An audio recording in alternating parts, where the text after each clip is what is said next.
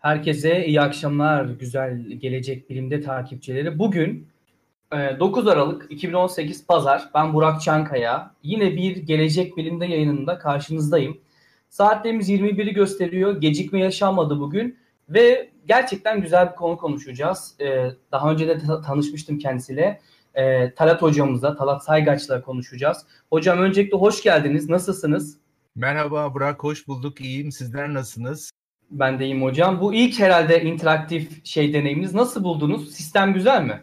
Gayet güzel. Bundan sonraki etkileriyle daha da güzel olacak inşallah. Bu arada senin ekibin e, Semih Cevdet ve senden oluşuyor. Üçünüze çok çok teşekkürler ve bu yayını izleyecek bundan sonraki insanlara da hepsine şimdiden selamlar, sevgiler.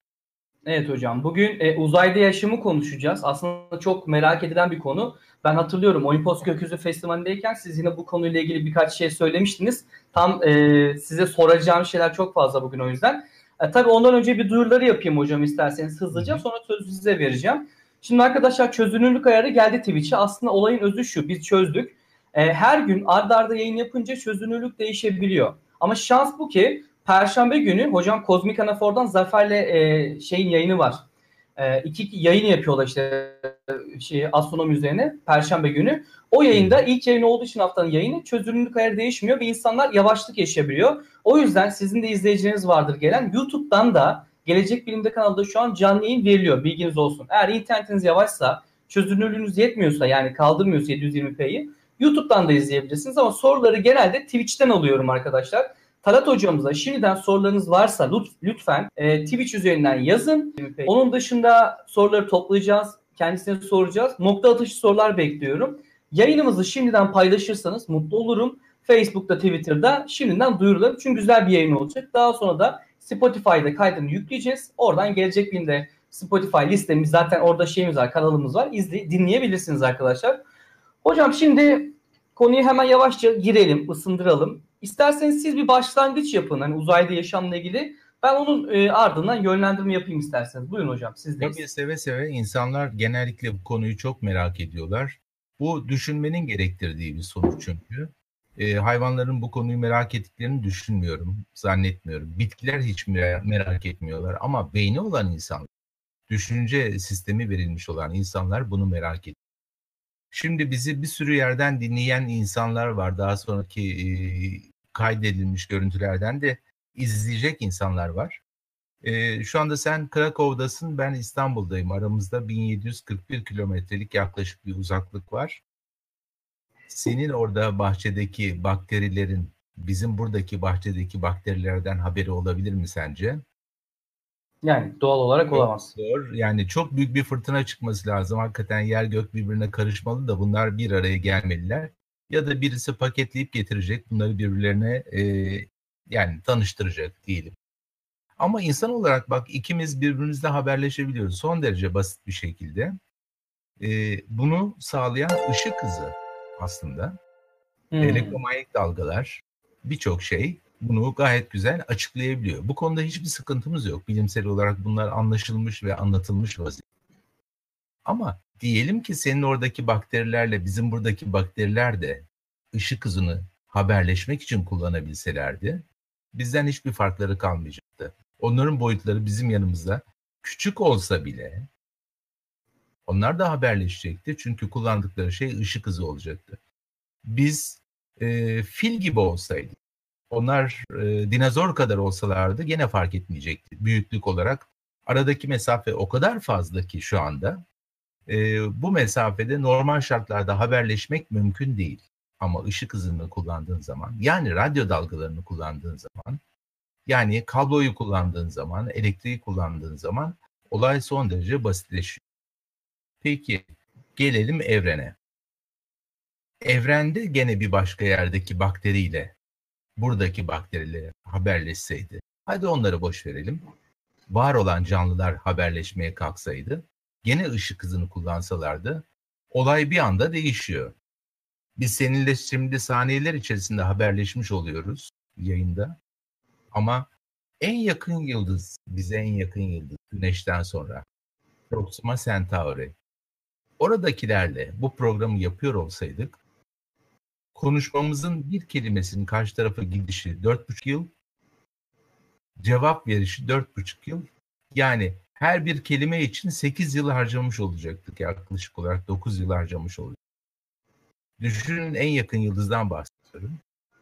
Ki en yakın yıldız gerçek yani üç buçuk dört buçuk ışık yılı uzaklıkta. Bunu sonra anlatırız ne olduğunu.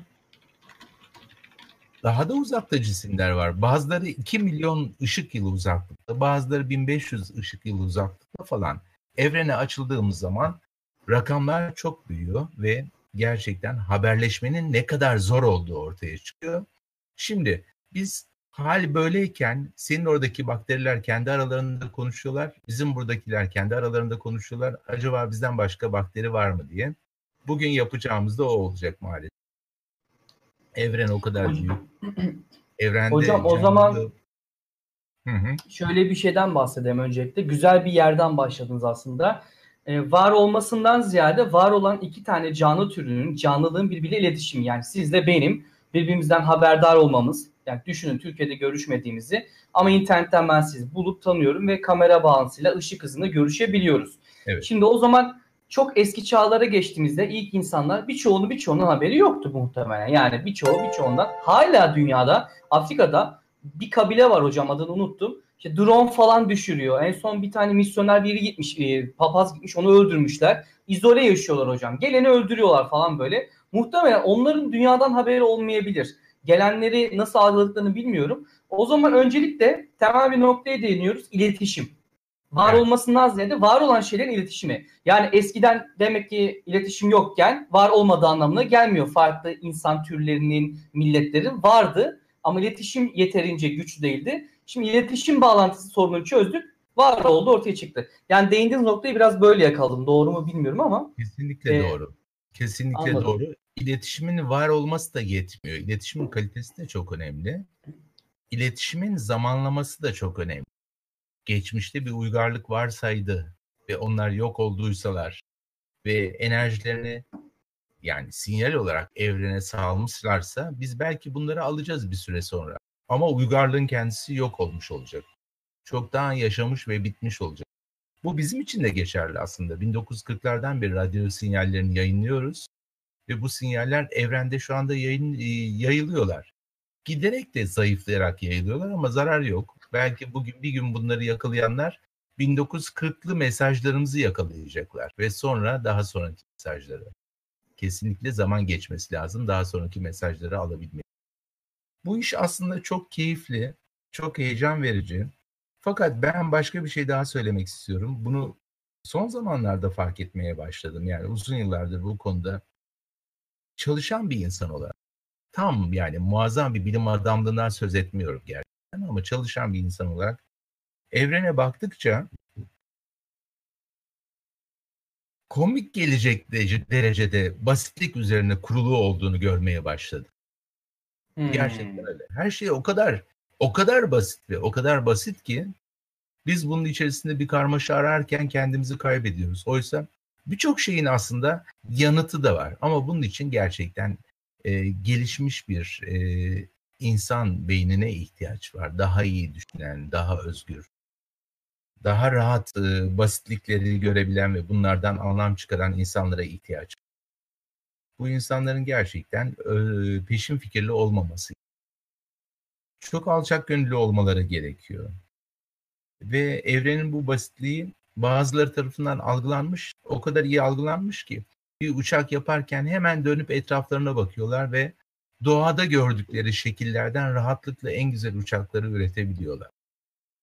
Ya da doğada gördükleri şekillerden, canlılardan, biçimlerden en güçlü makinaları, biçer döverleri, şunları bunları üretebiliyorlar.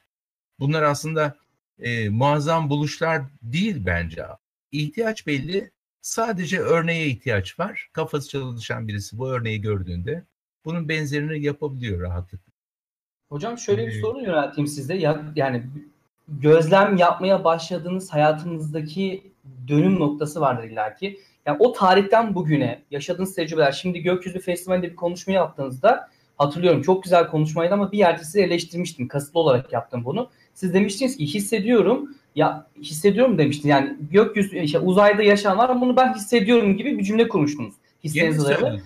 Yeni onu, ben de demiştim bir bilim insanı hisleriyle konuşmamalı. Acaba çok mu ben sayısal bakıyorum ya da kanıt odaklı bakıyorum yanlış oluyor. Bu his konusunu bir açabilir misiniz? Yani bu tecrübelerinize dayanarak mı acaba o şey oluştu sizde? Elbette yani e, siz yeni konuşmaya başlayan bir bebek için onunla şöyle adam akıllı yavaş yavaş konuşmaya başladığınızda neler hissediyorsun diye bir soru yöneltebilir misiniz? Hmm. Akıllı bir be- bebek diyecek ki ya Burak abi ben ne öğrendim ki ne hissediyorum söyleyeyim sana. Sadece annemi hissediyorum diyecek. Yiyeceği hissediyorum. Dolayısıyla hissedebilmek için herhalde biraz daha biriktirebilmek lazım. Yani biriktirdiğiniz zaman hissedebilirsiniz. Birçok kez çilek yemişsinizdir, karpuz yemişsinizdir, işte her neyse. Ama bir ara böyle bir şey hissedersiniz. O çilek kokusudur, karpuz kokusudur bildiğiniz için zamanında yediğiniz için, tattığınız için veya gördüğünüz için. Bunun gibi bir şey. E, ve biz yıllardır e, çocuklara konuşuyoruz. Okullarda gidiyoruz. Toplumsal çalışmalarımızı yaparken bir süre sonra da bunu söylemeye başladık. E, 15 yıl önce söylemeye başladım. Yani insanlık 15 yıla kadar canlılığı mutlaka keşfedecek. Ama bu bir e, tek hücreli canlı olsun veya biraz daha karmaşık bir şey olsun. Bunu keşfedecek diye düşünüyorum demiştim. Bu kişisel bir şeydi. Gerçekten hissediyorum ama hislerde şuna dayanıyor. Görüyorsunuz elinizin altında bir bilim var. İnsanlar bu bilimi yapıyorlar. Adım adım adım adım koskoca bir binanın tuğlalarını koyar gibi çalışmalarını koyuyor. Öte taraftan bir teknoloji var. Bakıyorsunuz basit şeylerden, daha küçük şeylerden çok daha karmaşık şeylere doğru geçiş olmuş. Bunların hepsini acaba ben kendi alanımda nasıl kullanıyorlar, ne yapıyorlar diye düşündüğümde o diyorum ki gidişat son derece güzel. Yani yakında biz mutlaka bu izleri bulabiliriz. Çünkü alet edevat oraya yetişmeye başladı. İnsanın bilinci oraya yetişmeye başladı. Biz yıldızların etrafındaki dolaşan gezegenleri bulduk. Daha önceden düşünüyorduk, var diyorduk. Şimdi elimizde avuç avuç dolu gezegen var. Ve şimdi bu gezegenlerin atmosferlerini incelemeye yapılarını incelemek. Ha, yetersiz kaldığımız yerde diyoruz ki bize şöyle bir alet edevat lazım, şöyle bir teori lazım. Çünkü ne istediğimizi o zaman biliyoruz ve onları geliştirmeye başlıyoruz. Dolayısıyla artık bunun sonu yok. Kimse bize dur demiyor ki. Kimse dur diyemez. Demez de zaten. Ve bu gelişme böyle hızlı bir şekilde devam ediyor. Bizim alanımız. Hocam peki e, yaşam arama e, şöyle sorayım sorum daha doğrusu. Yaklaşık yarım asırdır radyo dalgaları yolluyoruz dediniz. Birinci sorum şu evet, olacak. Evet, evet. Şimdi bu radyo dalgalarını yollarken mesela ne yolluyorsunuz hocam? Bilerekten basit ve bilmiyormuş gibi soruyorum. Yani İngilizce mi, Türkçe mi, merhaba ne haber uzaylı orada mısınız mı diyorsunuz? Dijital kod mu yollanıyor? Benim duyduğuma göre yani biraz da baktım. Sanskritçe yollandığını söylüyordu benim Hintli arkadaşlarım. Üzerine araştırdım. Çünkü Sanskritçe dilinin başka bir anlaşımı yok. Mesela Türkçe'de şey kelimesi çok yere çekilebilir ya. Sanskrit dili çok eski ve başka yere çekilemeyen bir dilmiş. Ee, uzaya gönderilen sinyaller de Sanskritçe gönderiliyormuş ki gerçekten NASA'nın sitesine girdim. Sanskritçe bilmesini istiyor. Yani bu e, gereken şeylerde, e, taleplerde Sanskrit dil bilinmesi. Bu doğru mudur? Bunu sorayım veya ne nasıl bir radyo dalgası yollanıyor? Bunu bir anlatalım hocam. Burak onu İstersen. bilmiyorum. Sanskritçe konusunda ben de duydum ama detaylı bilgim olmadığı için üzerinde konuşamam. Hiç önemli değil bu da. Önemli olan evet. bir sinyal gönderilmesi. E, radyo dalgası şu. Şu anda senin etrafında ışıklar var ve benim de etrafımda ışıklar var. Bizi aydınlatıyor. Bu optik bölge dediğimiz bir dalga boyu aralığındaki ışığın görüntüsü. Işık sadece bundan ibaret değil. Işık aynı zamanda radyo dalgaları dediğimiz şey de aslında ışığın kendisi. Ama onun yapısı biraz daha farklı. O görünmüyor ama hissedilebiliyor. Gamma ışınları, X ışınları, mor ötesi ışınlar, hızlıötesi ışınlar, mikrodalga ışınları, yakın radyo dalgayı, dalga boyları, uzak dalga boyları vesaire. Bunların hepsi aslında ışın. Dolayısıyla biz gönderdiğimizde enerjilerini kolay kolay etrafa saçmayacak kolay kolay bozulmayacak ışınları gönderiyoruz. Bunlar neler? Radyo dalgaları. Bu radyo dalgaları atmosferden rahatlıkla geçiyorlar. Uzayda rahatlıkla yayılıyorlar. Ta ki birileri bunu yakalayıncaya, anlayıncaya kadar umudumuz var, gönderiyor. Belli yerlere gönderilmiş bunlar şimdiye kadar. Mesela bir kümeye gönderilmiş, yıldız kümesi. Yıldızlardan oluşan çok kalabalık bir grup var, arı kümesi gibi. Buraya gönderdiğin şey, radyo dalgaları istatistik olarak o kadar güzel ki biri almazsa biri alır düşüncesiyle gönderilmiş. Yani bir güneşe göndermiyorsunuz, güneşlerin olduğu bir topluluğa gönderiyor. Hanginiz akıllıysanız buyurun biz size gönderdik. Dolayısıyla gönderilen şeyler hiç doğru değil, hiç anormal değil, hiç acayip değil. Bunun üzerinde konuşurken bile biz sadece bir cümleyle konuşmayı tercih ediyoruz. Gönderildi. Ne gönderildi? Radyo dalgası. Ha içinde ne var? İçinde bir sürü şey var. Keşke e, Türkçe gönderilseydi fark etmez. Kes, keşke Lazca gönderilseydi gene fark etmez. Ama NASA bu işi biraz daha bilimsel düşünmüş, doğal olarak düşünmüş ve bunu göndermiş. Bunun dışında başka sinyallerimiz de var. Canlı sinyaller de göndermek. Yaptığımız bir uydu var. Voyager 1, Voyager 2. Bunlar gezgin 1, gezgin 2 diye Türkçeleştirilebilir. Şu anda güneş sisteminin de dışına çıkmış vaziyetler. Üzerinde altın plaka var. Plaka üzerinde de bizim nereden bunu gönderdiğimiz, nasıl bir şeyler olduğumuzla ilgili bir sürü izler, şekiller, şunlar bunlar var. Hani bir gün birisi eline alırsa bunu rahatlıkla bizim yerimizi bile bulabilir. O şekilde mesajlar gidiyor. Aslında çok keyifli bir şeyden bahsediyoruz. Adını söylemedik değil mi Burak? Astronomiden bahsediyor. Astronomi insanları gerçekten kendine çeken, fark etmeye yarayan bir bilim dalı. Ve Türkiye'de biliyor musun bu astronomi ne zaman kesildi? Seninle gerçi konuştuk Olimpos Şenliği'nde ama 1969'da çok hoştur. Kendi uydurduğum bir e, hikaye bu. Ama e, sayılar ve şeyler gerçek. 69'da Ay'a çıkıldıktan sonra biz uzun uzun düşündük. Tam 5 sene kadar düşündük. 74'e kadar. Bu arada 6 kere adamlar Ay'a gidip geldiler. Biz de bir şeyler yapmalıyız dedik. Ne yaptık biliyorsun? İzleyicilerimiz bilmiyor. Liselerdeki astronomi dersini kaldı. Uzay çağı başlamışken biz dersini kaldırdık. Ve bu ders hala yok. Bölük bölük, yarım yamalak bir şeylere okutulmaya çalışılıyor. Bunu insan sorması lazım. Neden yok? Neden kaldı? Bu kadar elzem miydi kaldırılmak? Bugün hala bu sorunun cevabını verebilecek kimse yok. Farkında mı değil insanlar diyeceğim ama uzay çağı neredeyse bitti. Üstüne bir sürü değişik çağlar başladı. Ama olaylar uzayda geçmeye başladı. Ve işte görüyorsunuz Mars'ta oyuncak gibi oynamaya başladı. Üzerine bir alet indirildi. Biz burada uzaktan kumandalı arabayı kapılara, duvarlara çarparken adamlar dünyadan Mars'taki uzaktan kumandalı araçları kullanıyorlar ve bunlar üzerinden... Geçen yine yollandı hocam zaten. Onun evet. son fotoğrafını atacağım, vereceğim şimdi. Evet, evet. Ne kadar harika işler yapılıyor. Tek gurur kaynağımız insan olarak bunları başardık. Ama üzüntü kaynağımız niye ülke olarak biz de bunların içerisinde bu kadar yoğun yer almıyor?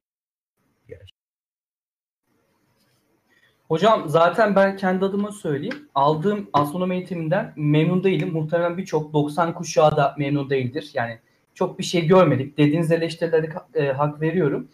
Yalnız hocam ilginç bir şey var. Ee, yeni bir akım türedi. Nasıl diyeyim düz dünyacılıktan başlayıp başka yerlerde hayat olmadığını düşünenler vesaire. Şimdi hayattan anlayışımıza biraz gelelim. Yani bizim insanlar olarak beklentimiz çoğu insan aslında beklentisi uzaylı dediğinde ve uzaylı den, uzayda yaşam dendiğinde muhtemelen Amerikan filmleri bir süre sonra değişti ve hep aynı tip getirmeye başladılar. İşte koca gözleri kafası olan şöyle bir şekil. Aklınıza bir uzaylı gelmiştir değil mi? Hep bizi buna kanalize ettiler hocam ve biz hep uzaylı deyince bunları düşünmeye başladık. Yani uzayda bir bakteri bile bulunsa, yanlışım varsa düzeltin, bu bizim için müthiş bir olay. Yani şimdi Mars'a indi, Insight indi, araştırma yaparken orada canlı bir küçücük yaşam formu bile bulsa bu bizim için bir olay. Yani aradığımız şey tam olarak hocam aslında nedir? Bunu biraz üzerine gitmek istiyorum. Yani bizimki gibi akıllı yaşam formu mu? Hiç fark etmez. Yaşayan bir canlı mı arıyoruz? Aslında biz e, bildiğimiz e, olması mümkün olabilecek şeyleri arıyoruz ama bulduğumuz şeyler çok daha farklı olabilir. Bunu bilmiyor. Yani belki bir şeyler bulduk bunların bile farkında değil. Aradığımız şey doğrudan doğruya e, ayaklı, elli, gövdeli, başlı, gözlü canlılar değil elbette. Şu anda en azından. Güneş sistemi için bunu söyleyebilirim belki de. Güneş sisteminde daha komplike canlıların olabilme ihtimali de mümkün olabilir. Aradığımız şey maddenin canlığa dönüşmüş formu aslında. Yani en küçük bildiğin şey bir bakteri olsun diyor. Bir bakteri bile bizim için yeterli. Bunun anlamı şu, dünyadan başka bir yerde bir bakteri bile oluşabiliyorsa o zaman canlılığın oluşabilmesi için bu muazzam evrende, muazzam gökadada ve muazzam gökadalar sayısı içerisinde canlılık mutlaka bol miktarda olabilir. Şimdi bu fikir birçok insana farklı gelebilir ama gerçekten dikkatli düşünmek lazım. Bize muazzam bir beyin verildi ve bu bir akla dönüşü, dönüşmüş. E, teleskoplarımızda uzaya baktığımız zaman bir gök adanın bir ucundan öbür ucuna gözlerimiz tarayarak hızla gidebiliyoruz. Düşünce gücüyle hızla gidebiliyoruz. Ama fiziksel olarak bunu yapabilmek oldukça zor.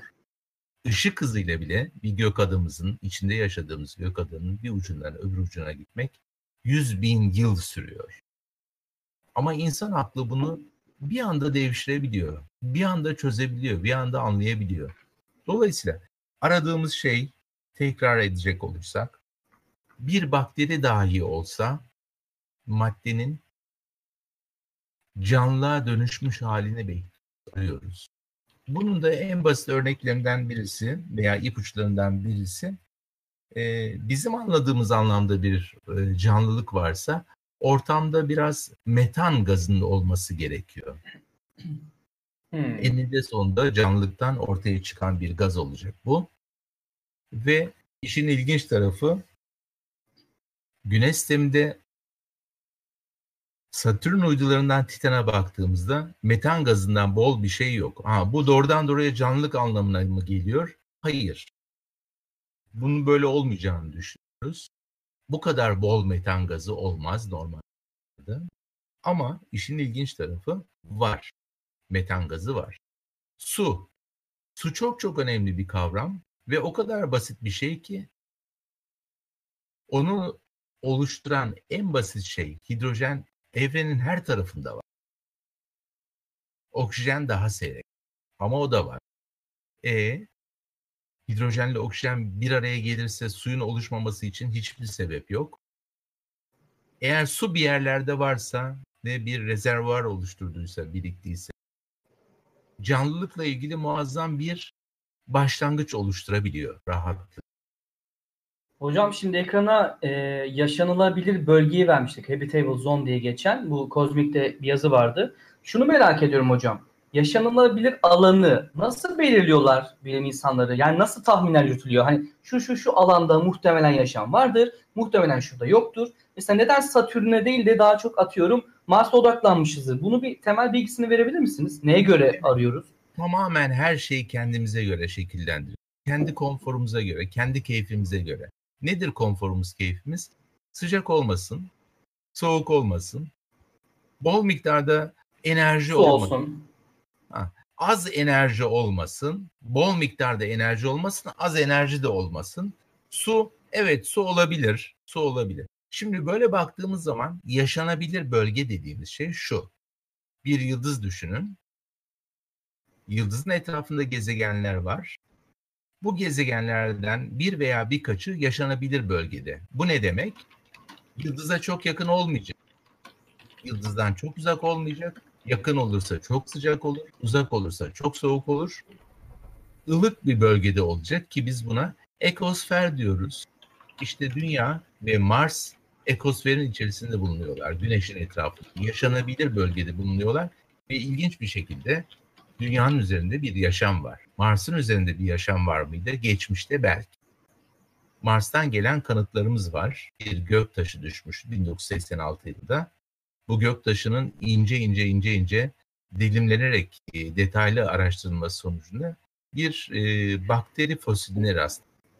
Ama elimizdeki tek şey bu. Başka bir şey yok. Dünyadan bulaşma ihtimali yok çünkü taşın içerisindeki dilimlerden birindeydi. Ve bu taşın da Mars'tan geldiğini biliyoruz. Nasıl biliyoruz? Bununla ilgili birçok yöntemimiz var. Yani bu nasılların içerisine girmek istersek o zaman ciddi anlamda astronomi bölümünde bir dersin e, içerisine girmek gerekir. Ama nasıl olduğunu biliyoruz. Yani nasıl geldiğinde. Ha, Mars'ta bir bakteri fosili varmış işte ve gelmiş. Şimdi bu bizi çok rahatsız etti. Ve 3 yıla kadar belki insanlar artık oraya gitmeye başladı. Projeler hep oraya yönlendirilmiş vaziyette. Hemen burnumuzun dibinde ay varken niye bunu yapmıyoruz? Ayda bir atmosfer yok. Aslında var bir metrelik çok ince bir atmosfer var. Hiçbir işe yaramaz. Ama Mars için durum biraz daha farklı. Bir atmosferi var ve e, ilk kez dünya dışındaki bir kara parçasının üzerinde yani Mars'ın üzerindeki tatlı tatlı esen rüzgarı da duymuş olduk. Yeni daha birkaç haftalık hikayemiz bu işte. Oraya gönderen alet bunu duyabildi. 24 kilometre saat hızla esen bir rüzgar. Aslında yavaş da değil, bayağı sert esiyor. Yani bir bisikletin üzerinde hızla giderken aldığınız rüzgar kadar bir rüzgardan bahsediyor. Ve e, Mars herhalde bizim yeni oyuncağımız, yeni yazlık evimiz. De, deyim yerindeyse doğru söylüyorum aslında. Ve buraya gitmek, buralarda bir şey yapmak ne kadar mümkün olur zaman içerisinde göreceğiz. Ama hayal ediyoruz ve çok muazzam şeyler yapılacağını düşünüyoruz açıkçası orada. En önemli sıkıntımız maalesef Mars'ın manyetik alanı çok çok çok çok zayıflamış, gitmiş, bitmiş neredeyse. Eğer bir kürenin içerisinde böyle bir manyetik alan yoksa, kendi manyetik alanını e, tutamamışsa, bu dağılmışsa atmosferini de doğru dürüst tutamaz. Üzerindeki birçok şeyi de doğru dürüst tutamaz anlamına geliyor. Ne kadar şanslıyız ki dünya bu konuda mükemmel bir küre. Evet Burak, aklına hangi sorular geliyor başka? Heh, var hocam var sorular. Şimdi ben bilerek bölmemek için hani şey yapmadım. Şimdi hocam e, bu arada bir abonemiz gelmiş Twitch Prime'dan. Latemax. Hoş geldin aramıza. Teşekkür ederiz abone olduğu için. E, tekrardan hoş geldin diyorum ona. Hocam şimdi biz hep su üzerine gittik ya. Benim buradaki sorum şu. Biz neden karbon bazlı yaşam ve su üzerine gidiyoruz? Mesela aradığımı yani olduğunu düşündüğümüz canlı formu su değil de başka bir sıvı veya sıvı tüketmeyen ona göre artık evrimleşmiş mi dersiniz, gelişmiş mi ne derseniz deyin bir canlı olamaz mı? Veya karbon bazlı değil de başka bir bazdan oluşmuş olamaz mı? Niye bunun üzerine duruyor? Benim anlamaya çalıştığım şey bu. Birincisi bu sorum. Bilinen bir şey bu aslında. Ee, biraz e, araştırınca silikon tabanlı canlılar da olabileceği konusunda, silikon yani kum bildiğimiz toprak tabanlı canlılar da olabileceği konusunda e, düşünceler var. E, ama bunu şimdilik bir kenara bırakıp suyun, suyun üzerinde durmak istiyorum. Neden su biliyor musun? Evrendeki en basit şey. Bulunduğu zaman en mükemmel şey ama en basit. Sadece suyu oluşturan malzemeler her yerde var bol miktarda hidrojenimiz var. İlginç bir şekilde az miktarda da oksijenimiz var. Ama bunlar bir araya geldiğinde bu su ortaya çıkabilir. Su varsa su aslında dünyada ne yapmış biliyor musun? Yani ilk canlılar için su güneşin mor ötesi ışınlarını engellemiş. Yani Aynen. siz mor ötesi, mor ötesi ışınlardan kurtulmak, parçalanmamak, dağılmamak istiyorsanız suyun içine girmelisiniz. Ne kadar? suyun 3 santim altına kadar inmeniz yeterli. Mor ışıkları tutuyor. Şimdi ne oldu? Muazzam bir battaniye oldu. Suyun altında canlılık rahatlıkla var olabilir. 3 santim altında rahatlıkla var oluyor. Bunlar kaba rakam. Bu anlamda su çok önemli. Ha, e, metan olabilir, başka bir şey olabilir ki dünyada gerçekten zor şartlarda yaşayan bazı canlıların var olabildiğini okyanusların dibinde gördük. Çok sıcak sularda yaşayabiliyorlar bunu. Çok karmaşık, zehirli ortamlarda yaşayabiliyorlar. Mağaralarda yaşayabilen, oradaki karanlıkta, oradaki zor şartlarda yaşayabilen canlılar bulunabiliyor rahatlıkla. Dolayısıyla e, canlılığın oluşabilmesi için şartların çok konforlu, çok mükemmel olması gerekmiyor. İstenen tek şey bizim bildiğimiz ve anladığımız ve yaşadığımız ve bizi yaşatan şey Su. Su varsa diyoruz biz bildiğimiz anlamda oraları araştıralım. Ee, diğeri ise Hocam Mars'ta su var değil mi? Bu bilgi yanlış değil. Donmuş su kütleleri bulunduğu var. sürekli çıkar karşıya. O Var. zaman bu donmuş su kütleleri bizi Mars'a e, yönlendiren netmenlerden birisi de diyebiliriz. Orada Evet. canlının olmadı, olduğu Yani düşünmemiz. bir de mesela bizden müteahhitlerin, Türk müteahhitlerin oraya gitmesi lazım. Bir gidip de şöyle kazı verseler doğru dürüst Mars'ın Çok güzel kazarız. O kadar fazla su çıkacak ki gerçekten çık. Yani donmuş vaziyette su var orada. Bu anlaşılmış vaziyette. E, fakat e, bu donmuş vaziyetteki suyu gerçekten Mars'ta nasıl bir işlem bekliyor? Ne oluyor? Ne bitiyor? Bunu anlayabilmek için böyle uzaktan kumandalı arabalarla şunlarla bunlarla uğraşıp duruyoruz ama eninde sonunda insan oraya gittiği zaman sadece iki hareket yaparak birçok şeyi çok daha iyi anlayabilecek diye. Hocam peki çok daha farklı bir soru soracağım ve hep merak ettiğim bir şey. Şimdi biz Biraz hep mesela şey tersi... atlamadık değil mi? Suyun yanında bir şey daha sormuştun onu Aa konuşalım. özür dilerim. Evet suyun yanına bir şey daha diyecektiniz onu atlamış olduk. Onu atlamayalım hocam. Birincisi su dedik. Hatırlatsana. Hocam dedim ki niye su ve karbon bazlı demiştim ya. Suyu Ha, açıkladınız. evet karbon bazlıyı Karbon özellikle söyleyelim. Bu çok önemli. Karbon bazlı ne demek? Karbon temelli demek. Sende bol miktarda karbon var anlamına geliyor demek. Hadi Evet. İnsan olarak konuşmayalım da bir parça bir kilo et olarak konuşalım. Bir yerden bir kilo et aldınız ve bunu yakın. Yaktığınız zaman tamamen yandığı zaman geriye simsiyah bir kömürleşmiş et kalıyor. Artık et değil yani siyah neredeyse kömüre benzer bir şey kalıyor. Kalıntı kalıyor. Bunu incelediğin zaman bu nedir diye bu bir karbon. Yani bizde de bol miktarda karbon var.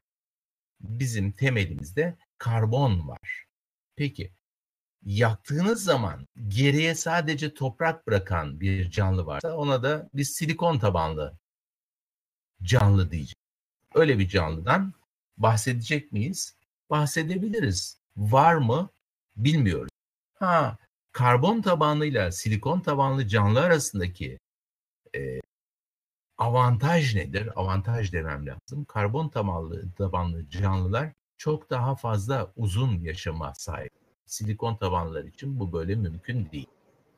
Dolayısıyla e, bir canlılığın oluşması, e, bunun gelişmesi, bir şeklin, şemalin olması çok uzun zamana ihtiyaç.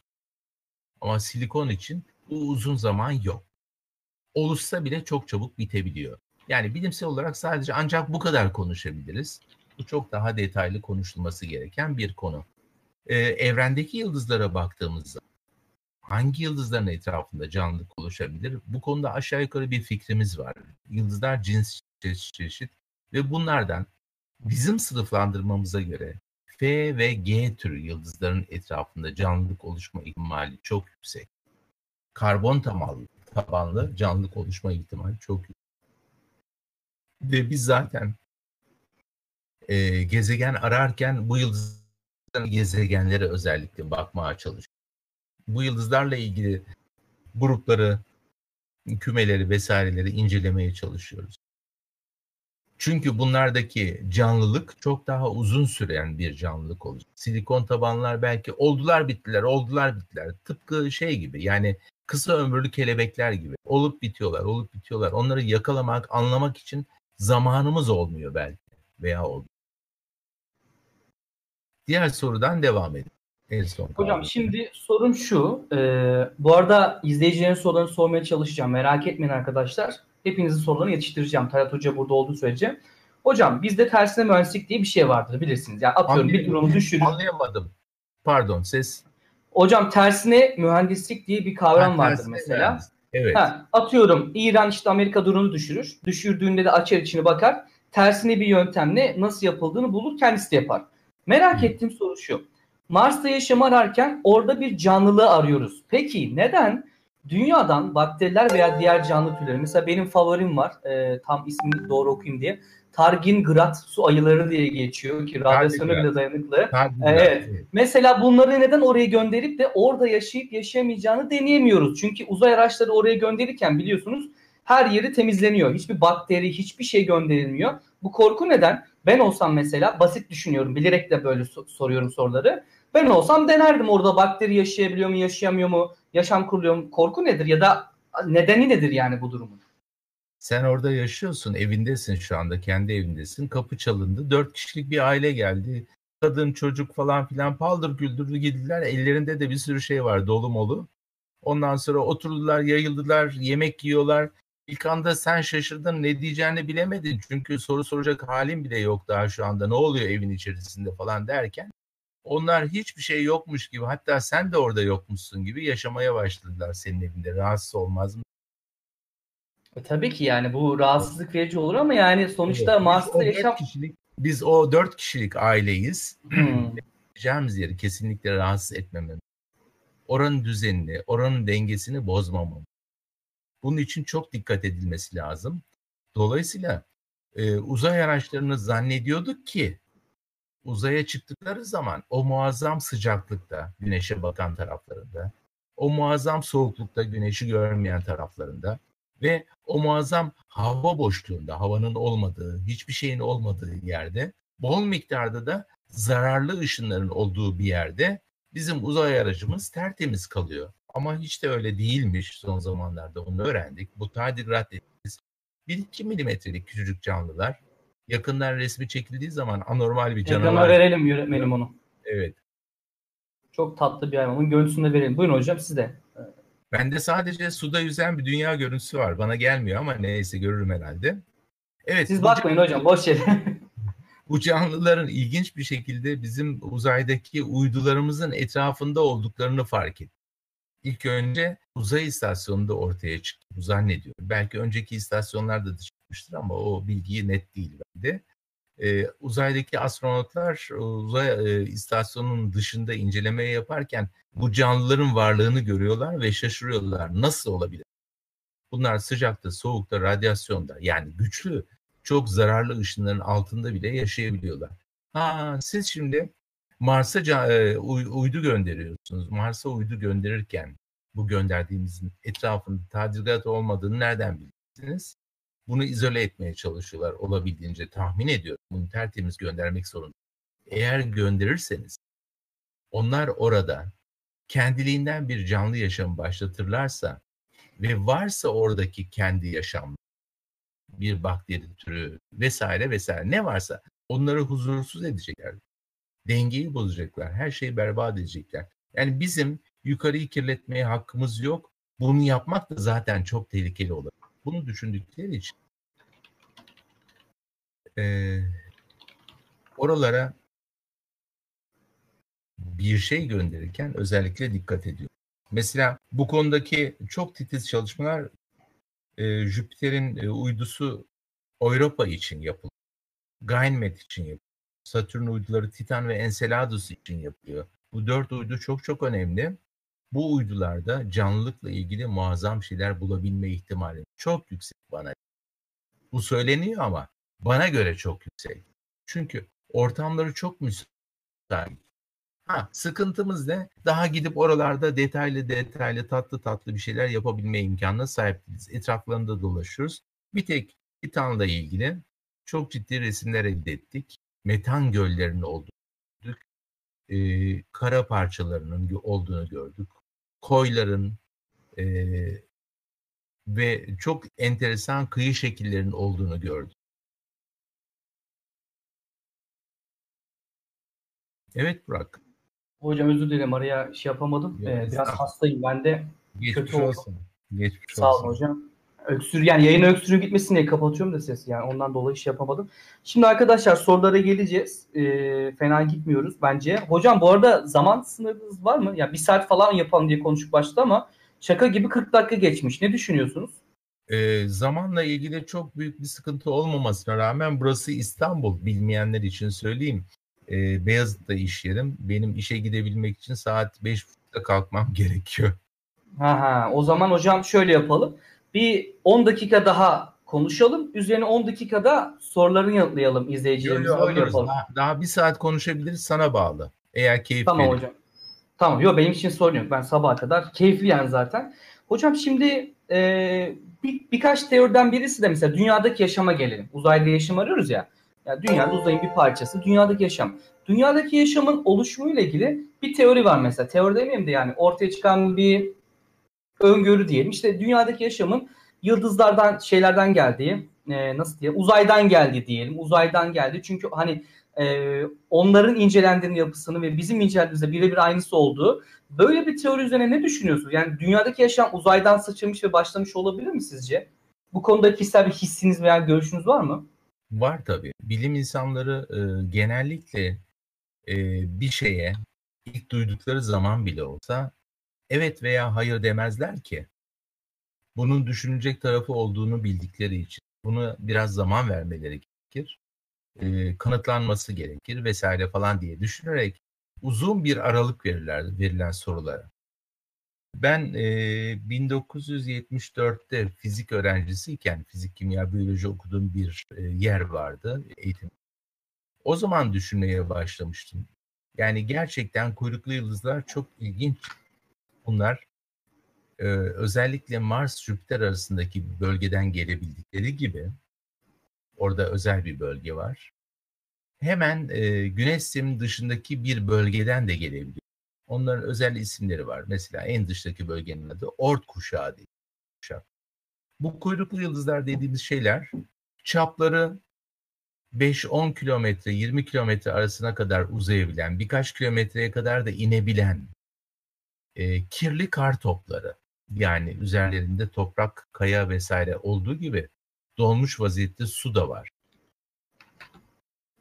Kirli kar topu. Bunlar bir şekilde güneş sisteminin oluşumu sırasında e, bu yapılarıyla kalmışlar. Bunlar zaman zaman güneşe doğru düşüyorlar. Güneşe doğru düşerken, hızla gelirken e, onun etrafından geçiyorlar çekim etkisiyle ve tekrar geldikleri yerlere doğru dönüyorlar. Ama sonra tekrar geliyor. Çünkü bulundukları yerdeki denge bozulduğu için sürekli güneşe düşüyor gibi geliyor. Bazıları da düşüyor işin ilginç tarafı. Güneşe yaklaşınca üzerindeki bu e, kirli kar topunun sıvılaşabilecek kısımları sıvılaşmadan buharlaşıyorlar ve gökyüzünde muazzam bir kuyruk oluşturabiliyorlar. Bazen de top gibi görünüyorlar. Mesela bugünlerde böyle bir kuyruklu yıldızımız var. Ee, çok kısa dönemlerle güneşin etrafından dolanıyor. 46B Virtanen kuyruklu yıldızı. Bu küçük basit dürbünlerle, teleskoplarla gözlenebilecek. Bugünler, hemen bugünlerde gözlenmesi lazım. Bunu takip etsin izleyici. Şimdi şöyle düşünseniz ne olurdu? Bu kuyruklu yıldızlar zaman zaman dünyaya da çarpıyorlar. Geçmişte de çarpmışlar. Belki gelecekte de çarpmışlar. Bunlara benzer şey. Ya içlerinde bunların gerçekten bakterilerle ilgili kalıntılar varsa, velev ki varsa, e, bunlar da dünyaya düştükleri zaman uygun ortamlar bulup çoğaldılarsa, varlıklarını sürdürebildilerse. Bu kadar. Bunu düşünebilirsiniz rahatlıkla. Dünyadaki canlılığın başlangıcı ile ilgili falan bir şey söylemiyorum. Böyle bir olay olabilir mi? Olabilir. Kim buna hayır diyebilir? Kim buna engel mümkün değil. Dolayısıyla geniş anlamda düşünüldüğünde olaylar böyle bir yerlere varabiliyor rahat. Bildi hocam e, Mars'ta bakteri bulunmuş muydu peki fosil olarak? Öyle hatırlıyorum sanki. Bizim bulduğumuz yok. Ama Mars'tan gelmiş bir göktaşının içerisinde bir evet, bakteri fosilinden söz ediliyor. Bilimsel bir çalışma bu aslında. Rastgele bir şey değil. Ee, bunu 86P diye de geçiyor. Arkasında da AO diye bir rakam var. Şimdi hatırlayamıyorum detaylarını. Ona bir isim verilmişti. Ee, biz bunun e, kaynağını Mars olarak bilmekle beraber nasıl olduğu konusunda fikrimiz yok. Şimdi Mars'a gidiliyor. Daha detaylı çalışmalar yapılacak. Eninde sonunda Mars ya tamamen ıssızdır denilecek ya da Mars geçmişte çok ciddi şeyler yaşamıştır denilecek. Bugün biliyoruz Mars'ta su var. Mars kanalları falan da var. Yani geçmişte suyun ve rüzgarın yarattığı yüzey şekilleri de var. Celal Şengör Hoca ile konuşursanız bu konuda size çok daha detay verebilir. Mars'ın yüzeyi hakkında, onun uzmanlık alanı, e, gezegenlerin ve kara parçalarının yüzeyleri bildiği kadarıyla. E, ve biz bunları anlayacağız, araştıracağız. Durmadan giden bir bilimsel e, süreç. Eskiden bu bilimsel çalışmaların paraları üzerinde çok konuşulurdu. Artık konuşulmuyor. Çünkü gerçekten hem olaylar basitleşti, hem güzelleşti, hem teknoloji çok ilerledi. Çok daha az paralarla çok daha mükemmel işler yapılabiliyor. Dolayısıyla bilimsel çalışmaların önünde şu anda ciddi bir engel yok. Yani gelişmiş ülkeler için konuşuyorum. Evet Murat. Hocam peki şöyle bir soru daha sorayım. Ben birazdan tamamen bırakacağım seyircileri. Mars yüzeyini tarayan işte Curiosity var. Şimdi InSight'in, InSight'in hatta son gönderdiği görüntüyü ekrana vermiştik. Genelde benzer görüntüler oluyor. Bir böyle kirli bir toprak var sanki turuncu. Böyle hep işte öyle. evet. Hep öyle değil mi herhalde bütün bölge işte ondan sonra taşlar falan var. Kimisi onlara bakıp yorumlar yapıyor. İşte fosile benziyor bilmem ne vesaire vesaire. Benim merak ettiğim asıl olay şu. Bildiğiniz kadarıyla Mars yüzeyinin bütün oradaki robotlardan bahsediyorum. Diğer bilmediklerimiz dahil. Yüzde kaçı taranmış olabilir hocam? Çünkü büyük bir Aa. gezegen, küçük değil. Yani 0,0000 bilmem kaçı. O kadar küçük bir şeyden bahsediyoruz. Ama taranmış derken tabii yüzeyine inenler için konuşuyoruz. İnenlerden bahsediyor. Evet, İnenler. evet. Yani yüzde son derece küçük bir miktar. Ama bizim esas yaptığımız iş bu değil ki. Sadece yüzeyine inerek değil, onların etrafında dolaşan uydularımız var. Uydularımız da var, evet. Tabii o uydular detaylı olarak taramalar yapıyorlar. Tıpkı dünyanın etrafındaki uydular gibi. Dünyanın etrafındaki uydular da taramalar. Birçok şeye bakıyorlar. Petrol rezervlerine bakıyorlar. E, kıymetli maden rezervlerine bakıyorlar. Askeri üstlere bakıyorlar. insanlara bakıyorlar. Şehirlere bakıyorlar. E, nerede gece kondu var ona da bakıyorlar. Artık o da yapılabiliyor biliyorsun. Dolayısıyla yukarıdan baktığımız çalışmalar hiç yabana atılacak gibi değil. O uydular son derece yetenekli. Çözünürlük de değil. Yani en yakın iki noktayı birbirinden ayırma özelliği oldukça yüksek noktalara ulaşmış vaziyette. Yani bizim bildiğimiz yan yana duran iki insanın yüzlerini birbirinden ayırabilecek nitelikte çözünürlük var yukarıdaki aletler baktığı zaman. E, Mars içinde durum bu. E, Mars'ın yüzeyinde şu ana kadar özel seçilmiş yerler var. Bu özel seçilmiş yerlerde yapılan çalışmalar e, istatistik olarak e, bilgilerimizi arttırmaya yönelik. Yani e, bir yerde yapılan çalışma ile diğer bir yerdeki yapılan çalışma birbirine birleştirildiği zaman genel olarak Mars yüzeyi hakkında da çok detaylı bilgi elde edebiliriz diye farklı yerlere indiriliyor bunu. Ama Peki hocam bu özel bölgeleri seçerken neye dikkat ediyorlar? Yani belli bir kriter vardır illaki. Tabii yani bir kere rahatlıkla inilebilir olması lazım. Yüzey detayı olarak rahatlıkla orijinal yerlere ulaşılabilmesi lazım. E, yüzey şekillerinden çıkarttıkları bazı anlamlar var. Ha buradaki malzeme çok kıymetli olabilir, çok farklı olabilir, çok anlamlı olabilir diye gönderdikleri yerler var. Oralara olması lazım vesaire vesaire. Bu aynı şey ay içinde yapılıyor. Yani ay inişlerde de e, yüzey öncelikle çok detaylı taranmış, çok detaylı bir haritalama yapılmış. Ondan sonra da bu uzay araçları istedikleri, uygun buldukları yerlere indirilmiş. Yoksa gönderiyoruz, neresi olursa oraya konalım olmaz biliyorsun. Gün değil. Zaten sanırım bir yaşam oluş yani şöyle diyeyim dünyadaki gibi bir yaşam olsaydı şehirler vesaire mantıkken bu uydular bunu çoktan görürdü değil mi hocam? Yani aradığımız şey düzenli bir yaşam değil Mars'ta. Çünkü olsaydı zaten görülür müydü yoksa görünmemiş olabilir mi o uydularda? Valla Burak, Burak ne güzel konuştun. yani düşün orada bir şehir var görülmemesi mümkün değil.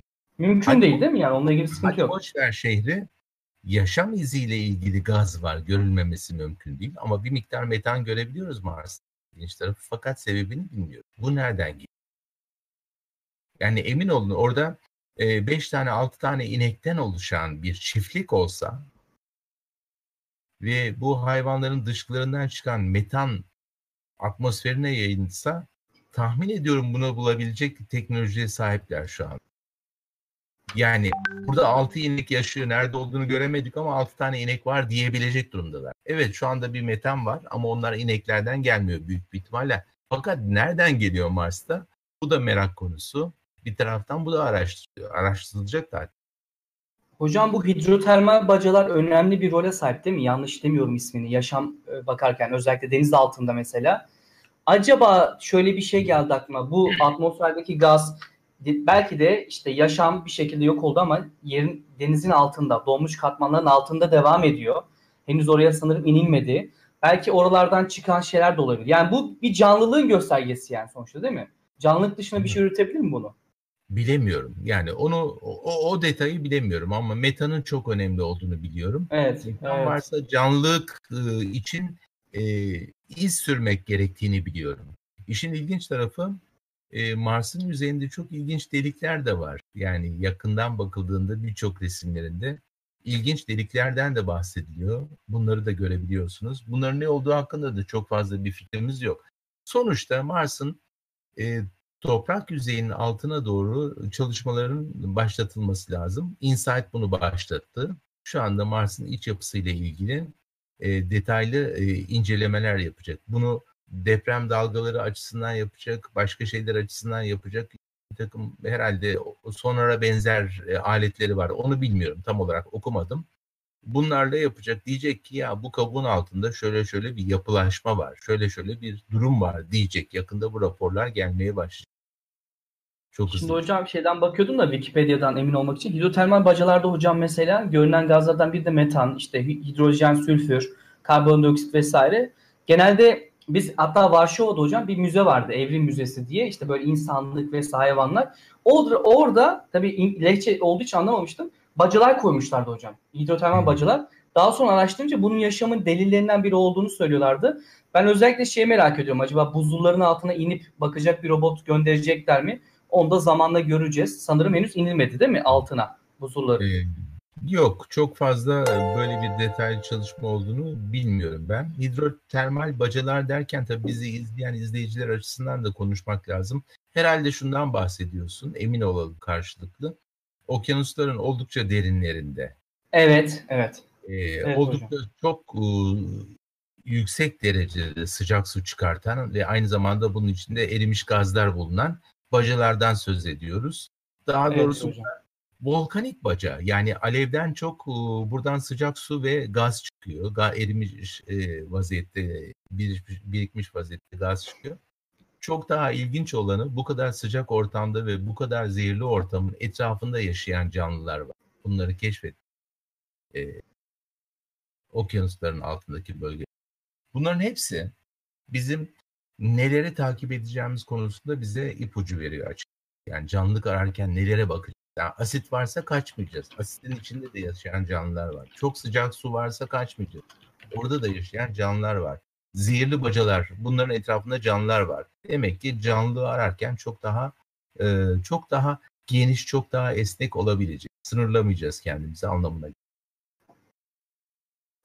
Hocam şimdi YouTube'dan ve Twitch'ten gelen soruları yönelteceğim size. Yalnız Twitch'teki soruları ben yeni sayfada açınca açıkçası kaçırdım. Birisi bana yardımcı olursa o soruları alalım. Twitch'teki soruları birisi toplayıp bana tekrar affedersiniz atabilirse sevinirim. O sorular gelene kadar hocam ben YouTube'dan gelen soruları size sorayım. Hızlıca Tabii. cevaplayabilirsiniz. Yani detayına girmenize gerek yok. Kaynak da verebilirsiniz, bakabilirler. Öncelikle evet Halis Çölkesen demiş ki evrende başka canlı yaşam olmaz e, canlı yaşam e, çok olası çok olası biraz devrik olmuş. Ancak bizim gibi ce, zeki canlılar ne kadar olasıdır demiş mesela. Zaten buna benzer sormuştum. Hızlıca cevaplayabilirsiniz hocam. Ee, en az soran arkadaş kadar ben de bunu merak ederim. Çünkü bunun için herhangi bir rakam vermek, herhangi bir istatistik vermek mümkün değil. Bunun için çok daha fazla bilgiye ihtiyacımız var. Yani sadece sanabiliriz. Sandığımız şey de doğru olmayacak. Ama en az bir tane var. Onu biliyorum. O da biz. Bu kadar gelişmiş. Yani kompleks olsa bile bu gelişmiş diye sayıyor değil mi hocam? Çok hücreli ko- kompleks diyebiliriz yani bu yapılara. Tabii. İlla tabii. düşünüp bizim gibi zeki olması gerekmiyor. Tabii. Gerçekten ne kadar zeki tek, tek, tek hücreyi açtıktan sonra kompleks yapıya girer diye düşünüyorum. Devam ediyorum hocam. Erik Rose sormuş. Ee, kendisi de yakında e, kanalımızda felsefe yayınları yapacak arkadaşlar. Tavsiye ediyorum takip etmenizi.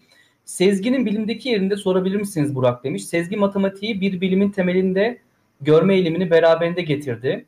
Bu sonuç empirizmden biraz uzaklaştırdı. Yani başlangıcımızdan sanki demiş. Yine felsefi girmiş hocam. İsterseniz yanıtlayabilirsiniz, isterseniz bunu yanıtlamayabilirsiniz. Hani konu dışı sezgi, diyebilirsiniz. Sezgi tek başına katı bir kelime değildir aslında. Sezginin içerisinde birçok şey olsa gerek diye düşünüyorum. Bunlardan biri hayal gücüdür.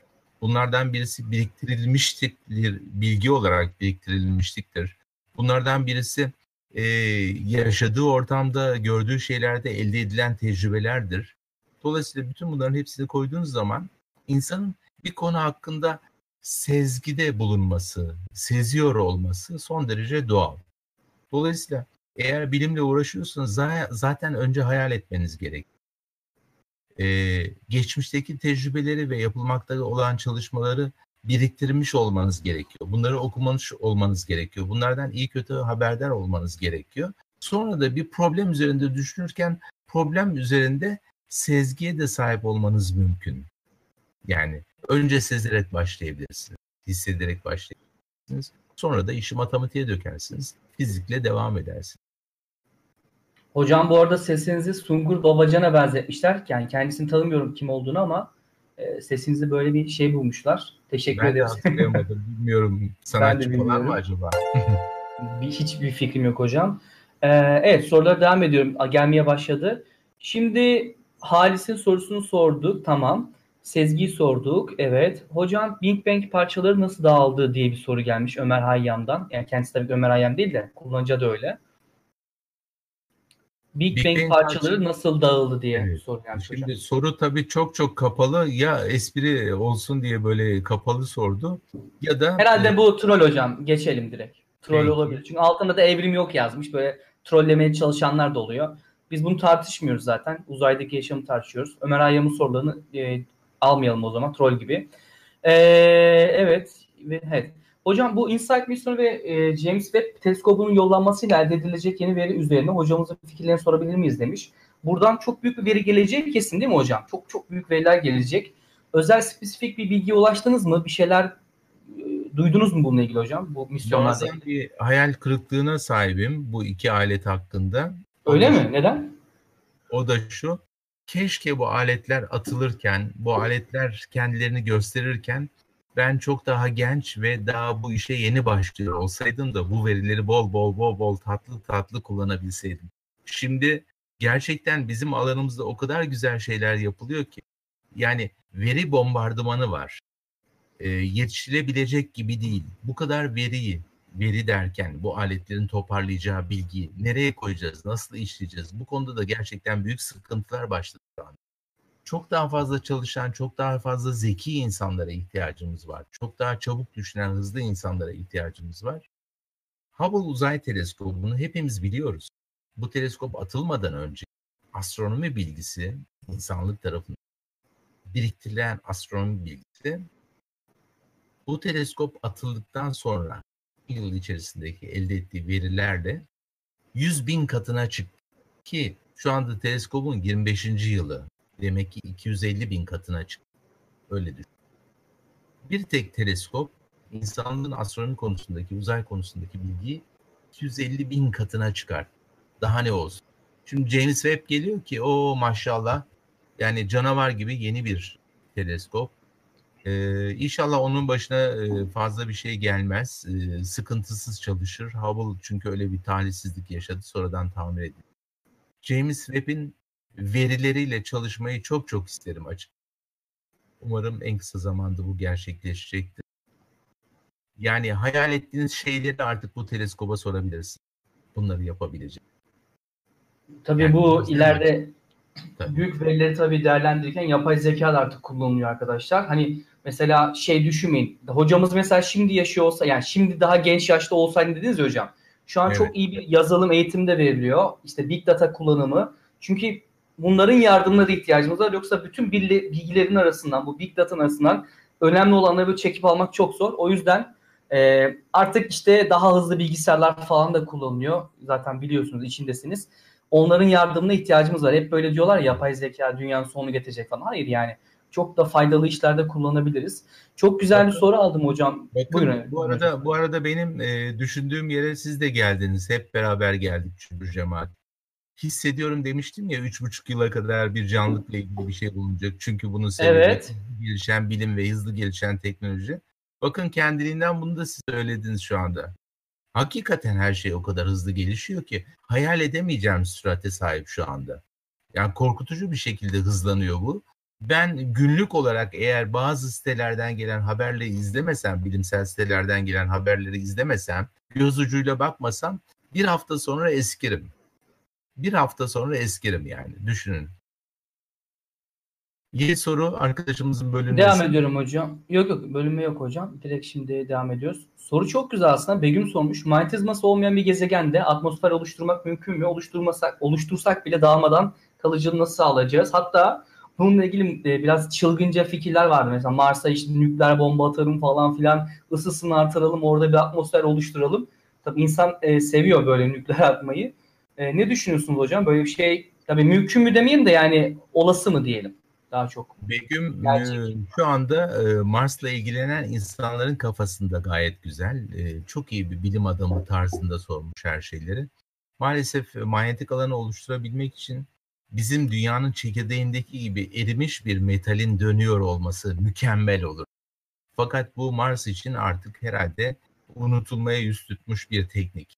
Başka doğal teknikler e, bulunabilir mi, var mıdır? Açıkçası zeki insanlara ihtiyacımız var. Begüm gibi düşünebilecek insanlara ihtiyacımız var. Ha, bizim bildiğimiz e, bomba atmak falan filan belki bugün için ama yarın hiç belli olmaz. Çok farklı bir şey de bulabiliriz bu manyetizmayı arttırabilmek, oluşturabilmek için. Ve belki buna ihtiyacımız kalmayacak şekilde manyetizmayla hiç uğraşmadan başka bir şeyler yapabiliriz. Orada yaşayabiliriz. Yani korunaklı ortamlardan söz ediyorum. İşte düşünün şeffaf muazzam bir küre, küre var. E, yarım küre ve çapı 2 kilometre, 5 kilometre her neyse siz bu kürenin altında yaşıyorsunuz her şeyi görerek. Tamam yaşam şartları oluşmuş havasından suyuna kadar mümkün. Aslında mümkün. Yapılabilir mi? E yapılabilir. Böyle düşünmek senin Hocam şimdi bulanıklaştı. Bilmiyorum. Evet ben mi? geliyorum hemen. Kameramı kapatıp açayım. Şimdi nasıl bulanıklaşır ya? Ne oldu acaba? Yani şimdi, bir anda ha güzel. Oldu. Arada bir olur hocam ya. O geldi şimdi. Şimdi çok güzel bir soru var şimdi. Eflatun Yeleli Bozkurt sormuş. Yani bu takma ismi e, izleyicimizin. Evrende başka hayatlar aramak tehlikeli bir girişim değil midir? Neden olacakları varlıkların dost canlısı olacağını varsayıyorlar demiş. Ben buna ilaven bir yorum ve soruyu size yönelteceğim. Mesela geçenki yayında da ben söylemiştim. Ben açıkçası diğer evrenlerdeki yaşamdan ziyade dünyadaki olan yaşamın sürdürülebilirliğine daha çok önem veriyorum. Yani sen dünyayı korudun mu da, dünyayı sürdürülebilir yaptın mı da Mars'a zıplıyorsun ve adam tarzında bakıyorum. Peki ben de bu arkadaşa soruyorum. İnsanlar çok güvenilir midir? Yani hep onlardan bir hamle bekliyoruz. Bize saldıracaklar. Hep genel uzaylı filmlerinde öyle oluyor ya. Sağ bir tane hatta film vardı. Kafalarında şey vardı koca böyle camlar dünyayla barış için geliyorlar, konuşma yapıyorlar. Bir anda bizi öldürmeye başlıyorlar. Adını unuttum. Yani hep onlardan bekliyoruz. Peki insanlar çok güvenilir mi? Biraz da böyle de bakmanı isterdim Eflatun üyeleri. Çünkü kendi içimizde bile dünyada insan insana anlaşamıyoruz. Dünyada insanlar olan yaşam formlarıyla da anlaşamıyor. Kaç kişi bahçedeki bakterileri, atıyorum su deniz analarını, balıkları, inekleri ne bileyim merak ediyor. Kaç kişi bunlarla barışçıl yaşayabiliyor? Birçoğunu öldürüyoruz. Yani yemek için olsun, başka amaçlarla olsun kesiyoruz vesaire. Doğayı yok ediyoruz. Dünyadaki canlılarla barış içinde değilken ve onlarla onları tanımıyorken uzayda aramak bile bana enteresan geliyor. Hani eminim hocam Mars'ta bir canlı formu bulunsa şekli de diyelim ki benim lens kabuğuma benzese böyle bir şey çıksa diyelim. E, çok kişinin umursayacağını ben düşünmüyorum. Sadece siz heyecanlanacaksınız. Bilim insanları heyecanlanacak. Onun dışında doğal hayatı akışını etkilemeyecek bence insanlarda. Ne düşünüyorsunuz hocam? Yani tehlikeli bir girişim mi arkadaşın sorduğu gibi bu canlı form aramak? Evet. Hem sana hem de e, Mor lakaplı arkadaşımızı soruyorum. İkinizin de bir düşüncesi var, beyni var. Beyin bu düşünceyi oluşturuyor. Nasıl oluşturuyorsa oluşturuyor her neyse. Sizin düşüncelerinizi bir bahçeye benzetsek her ikinizin de. Bu bahçenin sınırları nasıl? Tahta perdelerle mi çevrilmiş, e, taş blokla mı çevrilmiş, üzerine e, halka halka halka halka jiletli tel mi gerilmiş vaziyette? Sizin düşüncelerinizin sınırları ne kadar bir bakar mısınız? Şöyle bir düşünün. Burak seninki ne kadar? Senin düşüncelerin etrafında bir bahçe duvarı var mı? Benim düşüncem etrafta olmadığını düşünüyorum ama illa ki herkeste duvar olabilir. olabilir yok. Yani. Hiçbir insanın düşüncelerinin etrafında bahçe duvarı yok. İnsan öyle bir varlık, enteresan bir varlık ve aramaya devam edecek bu nedenle düşünüyor. Evet doğru. doğru. Ve kendini sürekli ve sürekli ve sürekli açmak istiyor. geniş alanları açmak istiyor. Bu düşünce olarak olsun, davranış olarak olsun. Evin içinde üç gün otursan üf sıkıldım diye dışarıya atıyorsun. Düşünce de aynı şekilde. Düşünce de kendisini dışarıya atıyor. Dolayısıyla yani bizden başka bin tane canlı türü tanısak uzayda bin birinciyi gene arayacağız. İnsanın yapısı bu, davranışı bu, şekli şemali bu. Umursamaz olamayacağız. Ha, bazılarımız umursamaz olabilir. Kendi işleriyle uğraşıyorlar. Bana ne onlardan falan der ama bir taraftan da için için soru işareti vardır kafasında. Dolayısıyla düşüncemizin sınırı olmadığı için düşünce sınırını en güzel şekilde, düşüncenin sınırsızlığını en güzel şekilde ortaya koyan bilim alanlarından birisi astronomidir. Astronomiyle uğraşırken sınırsız düşünebilirsiniz. Sınırsız hayal edebilirsiniz ve üstelik de teleskopun arkasına geçtiğiniz zaman sınırsız uzaklıkları görebilirsiniz. Sınırsız Peki yapıları. hocam, sınırsız dediniz ya çok güzel bir soru geliyor bununla ilgili. Harika. Ee, Mr. Merton demiş ki diyelim ki canlı bulduk ve en az canlılar bizim kadar da akıllı. Bununla ilgili protokol var mı? Aslında protokolde bir nevi sınır demek yani kural demek. Diyelim ki hocam Türkiye'deki e, gözlemcilerimiz ya da bir ülke herhangi bir ülke uzaylı uzaylı diye şöyle diyeyim akıl yaşam formu buldu.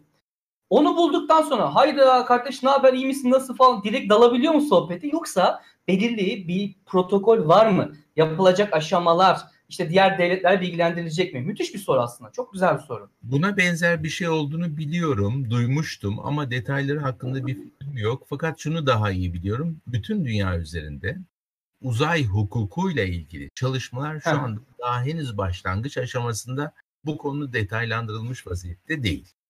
Ama gördüğüm kadarıyla güçlü ülkeler daha güçsüz ülkelere göre uzaya daha çabuk hakim olacaklar ve doğal olarak kendi istekleri doğrultusunda bunu kullanmaya devam edecek.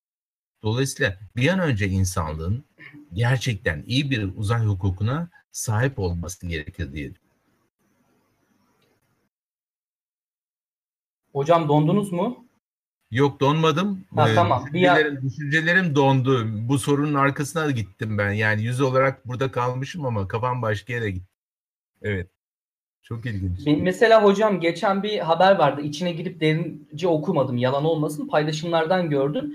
Rusya efendim Amerika'nın uzaya gitmediğini düşünüyormuş. Aya pardon çıkmadığını. Gidip araştırıp bakacağız diye bir haber. Kim dedi? Rusya uzay ajansı mı dedi bilmiyorum. Öyle bir şey duydum ama yani insan ben sanmıyorum ki işte Amerika böyle bir bilgi ulaşsa anında paylaşacağını. O yüzden sordum. Bir hukuku, bir protokolü var mıdır? İlla ki belki vardır format resmiyette ama direkt bir şey de açıklayacaklarını düşünmüyorum. Aslında bununla ilgili biraz hayal tabii şu an kısmına girdik ama Dan Brown'un İhanet Noktası kitabı sanırım çok güzeldi. Bu konuyla ilgili okuyabilirsiniz arkadaşlar. Sizden de film, dizi, belgesel, kitap herhangi bir öneri isteyen arkadaşımız olmuş. Bu arada siz onlara cevap verebilirsiniz. Var mı hocam öneriniz? Peki filmi unutturma. Filmi baştan söyleyeyim. Kozmos. Judy Foster'ın e, pardon e, kontak filmi. Judy kontak, Foster. kontak. Evet, evet, biz bunu çok uzun süredir her yıl öğrencilerimize defalarca izletiyoruz ama bir film olarak izlemiyoruz yani başından sonuna. Sürekli durdurarak tartışıyoruz filmin üzerindeki birçok şeyi. Muazzam bir filmdir bu. Kontak. Bunu seyretsinler. Judy Foster veya e, Temas diye de geçiyor galiba. Onun ona benzer bir Türkçeleştirmesi var. Diğer soru diğer soru e, pardon bir şey dondu şu anda. Sizde bir donma oldu hocam. E, dizi, film, kitap her hepsine cevap tamam. verebilirsiniz aklınıza gelen. Ee, yani film olarak özellikle bunu söylerim. Bu çok önemli. Diziler birazcık insanı bayıyor. Yani bir an önce neticeye ulaşamıyorsunuz. Sürekli konuyu değiştiriyorlar, bir şeyler yapıyorlar ama oturup da şöyle iki buçuk saat boyunca seyredebileceğiniz en iyi film bu. Kontak filmi. Gerçekten Dizisi de yani... güzeldi Şen hocam. Az önce, az önce dediniz ya Kozmos. Hatta yeni bölüm bekleniyordu. Ha, o Kozmos güzel fena değil. ayrı. O fena değil. Yani o ayrı bir konu. O aslında bir kitap sayılır ama Kozmos. E, bu arada kitap deyince aklıma geldi. Bizim Gökyüzünü Tanıyalım diye bir kitap. Ben de onu bekliyorum hocam. Kendi kitabınızı niye söylemiyorsunuz diye. onu hatta yanınızdaysa aklıma bile gelmemiş. Ee, Hocam onu bir kişiye çekilişle verme şansımız var mı böyle bir hediye etsek takipçimize? Ya ben çok isterim almak da uzaktayım masraflı olur. Böyle Anladım. bir şansımız var mı? Şu an aklıma geldi. Bu kadar insan izliyor madem. Bunu yaparız bir şekilde. Nasıl yaparız? O protokolü sen bana söylersin nasıl yapılacağını. Tamam. Yok, bir kişi hediye edebilir miyiz hocam? Edelim tabii. Bir e, genç arkadaşımıza özellikle el, e, hediye edelim. Gökyüzünü tanıyalım. Kitap yanınızda mı? Şöyle bir gösterelim hocam ya da yönetmenimiz Ma- ekrana versin. Maalesef, maalesef yok. Bir tamam ekrana veririz hocam. O kitabı ekrana veririz Talat hocam. Ee, tamam ben size adresini vereyim. Esatis elektronik satışın esatis şeklinde yazılmışı nokta TÜBİTAK nokta gov nokta tr. TÜBİTAK yayınlarından basıldı değil mi hocam? Tamam. Evet evet. Bunun içerisinde gökbilime girerseniz şahane film e, şeyler var, kitaplar var. TÜBİTAK özellikle son iki buçuk yıldır bu konuda çok yoğun çalışıyor. Çok kaliteli kitaplar çıktı. Bazılarında da bilimsel danışmanlık yapmaya çalışıyoruz. Gökyüzünü Tanıyalım kitabı e, yapısı itibariyle ilkokul çocuklarından 70 yaşındaki insanların okuyabileceği bir genişliğe sahip. Ve her okuduğunuzda yeni bir şey öğrenirsiniz. Her okuduğunuzda sizin yeni bir ilgi alanınızı ortaya çıkartır.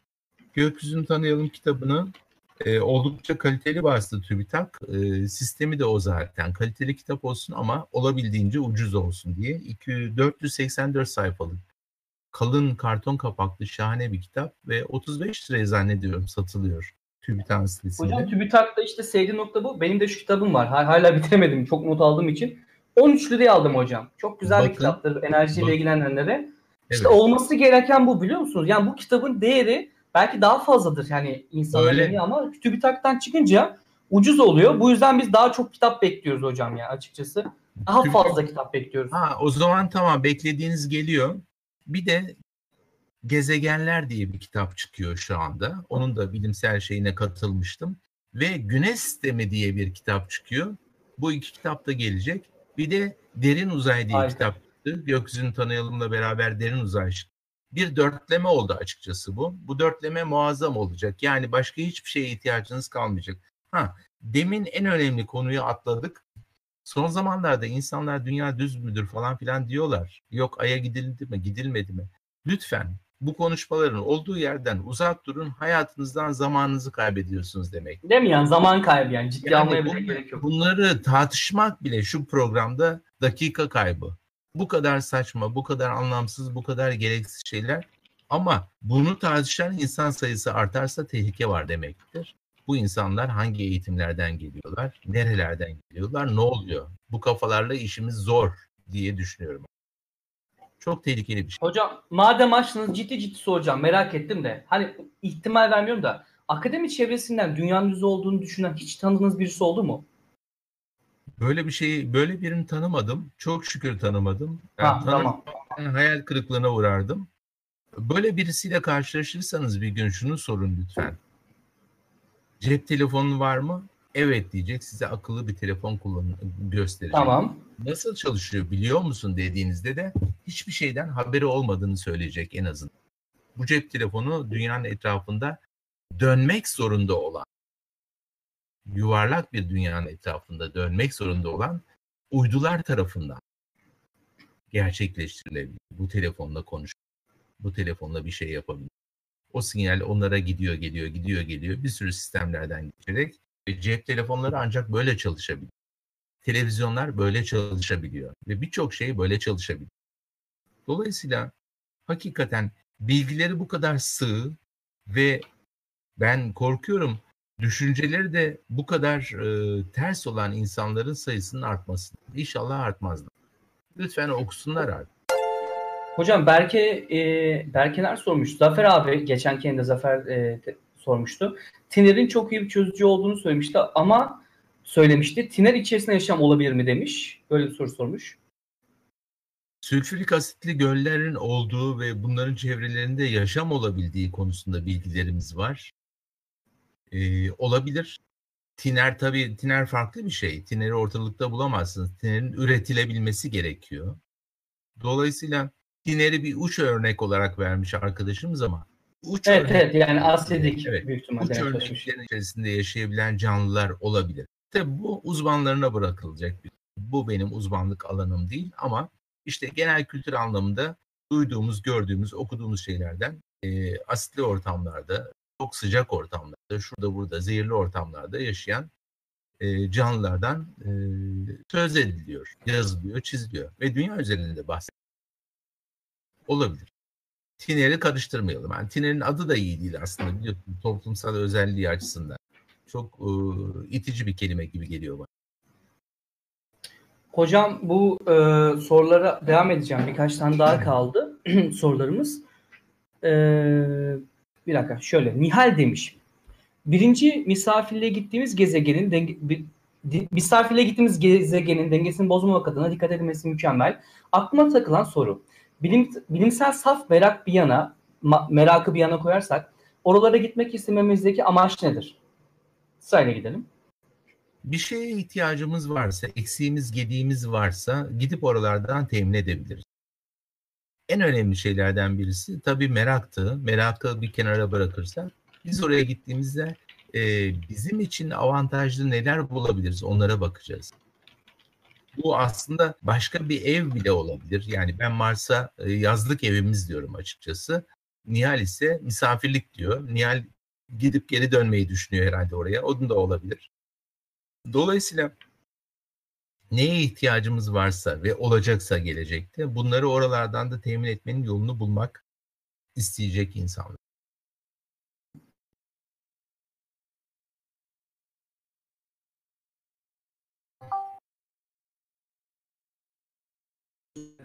Geldim. Görüntü, Geldim bir sıkıntı yok. Görüntü geliyor. Açtım hocam. Parça parça. Açtım. Özür tamam. dilerim bir kapandı. Heh. Yani. Devam ediyorum hocam. Ülkelerin sadece merak amacıyla bu kadar büyük paraları bu araştırmaya yatırmalarını beklemiyorum. Derken bile hangi ülkelerin olduğunu biliyorsun yani. Mesela Türkiye'nin Türkiye'nin ayırdığı bütçe ne kadar hocam uzay araştırmalarına? Yeterli mi, az mı, var mı? Uzay ajansı konusuna da girin isterseniz. Bir böyle şey oldu. Kör düğüm. Kurulacak mı, kurulmayacak mı? Bir gelişme var mı bunlarla ilgili?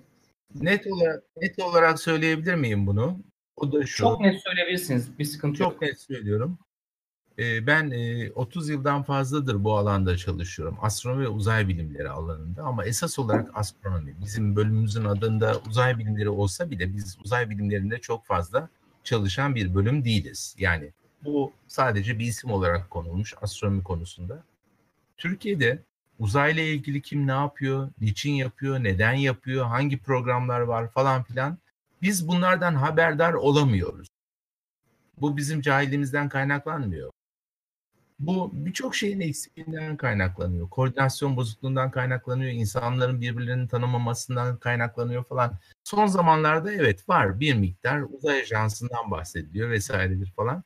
Bir şeyler yapılmaya çalışılıyor ama yani çok cılız, çok zayıf, hiç bizim istediğimiz gibi değil, olmamız gerektiği gibi değil bu soruyu buna benzer bir soruyu sorarlarsa nasıl bir yanıtım olur diye düşündüğümde yeni bir şey de buldum ben açıkçası. Şimdi bu soruyu sordunuz. Ben de cevap vermeye çalışıyorum. Eksik diyorum. Yetersiz diyorum. Niye geç kalındı diyorum. Bunu dinleyen iki tür insanlı var. Birisi diyor ki evet ya olmalıydı. Hemen yapalım olsun. Arada başka insan türü yok.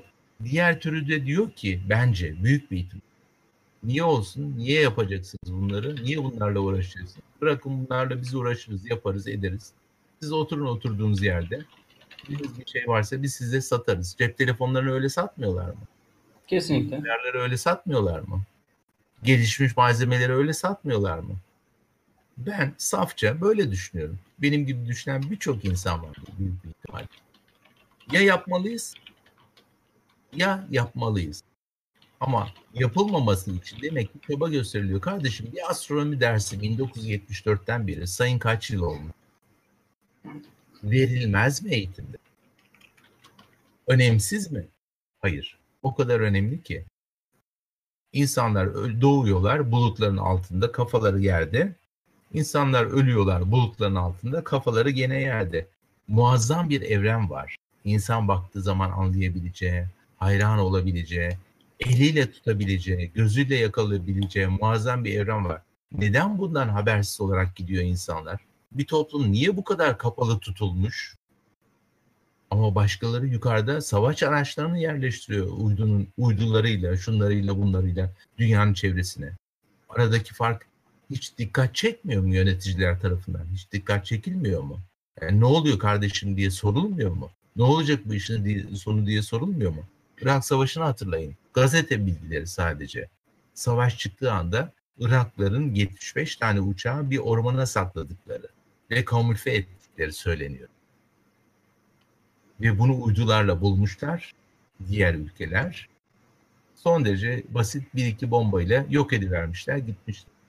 Aradaki teknoloji farkına bakar mısın? Aradaki üstünlük farkına bakar mısın? Güce bakar mısınız? Çok ilginç bir şeyler bunlar. İnsanlar arasında bu fark olduğu sürece dünya toplumunda gerçekten huzursuzluk bitmeyecek anlamına geliyor.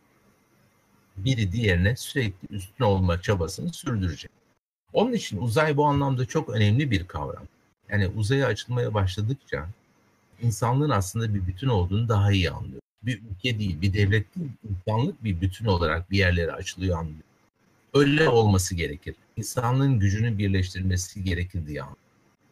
Birçok bir de şunu var. fark etmiyorlar hocam. Uzay araştırmaları yaparken veya uzay endüstrisi gelişirken yan endüstriler de oluşuyor ve bunlar daha büyük ekonomik gelir getiriyor. Yani en basitinden herkesin bildiği teflon tava. Yani teflon önce uzay araçlarında kullanılan sonra insanlığa sunulan bir teknoloji oldu. Yani tabii ki bu en basiti bilerekten söylüyorum. Onun dışında neler neler geliştiriliyor.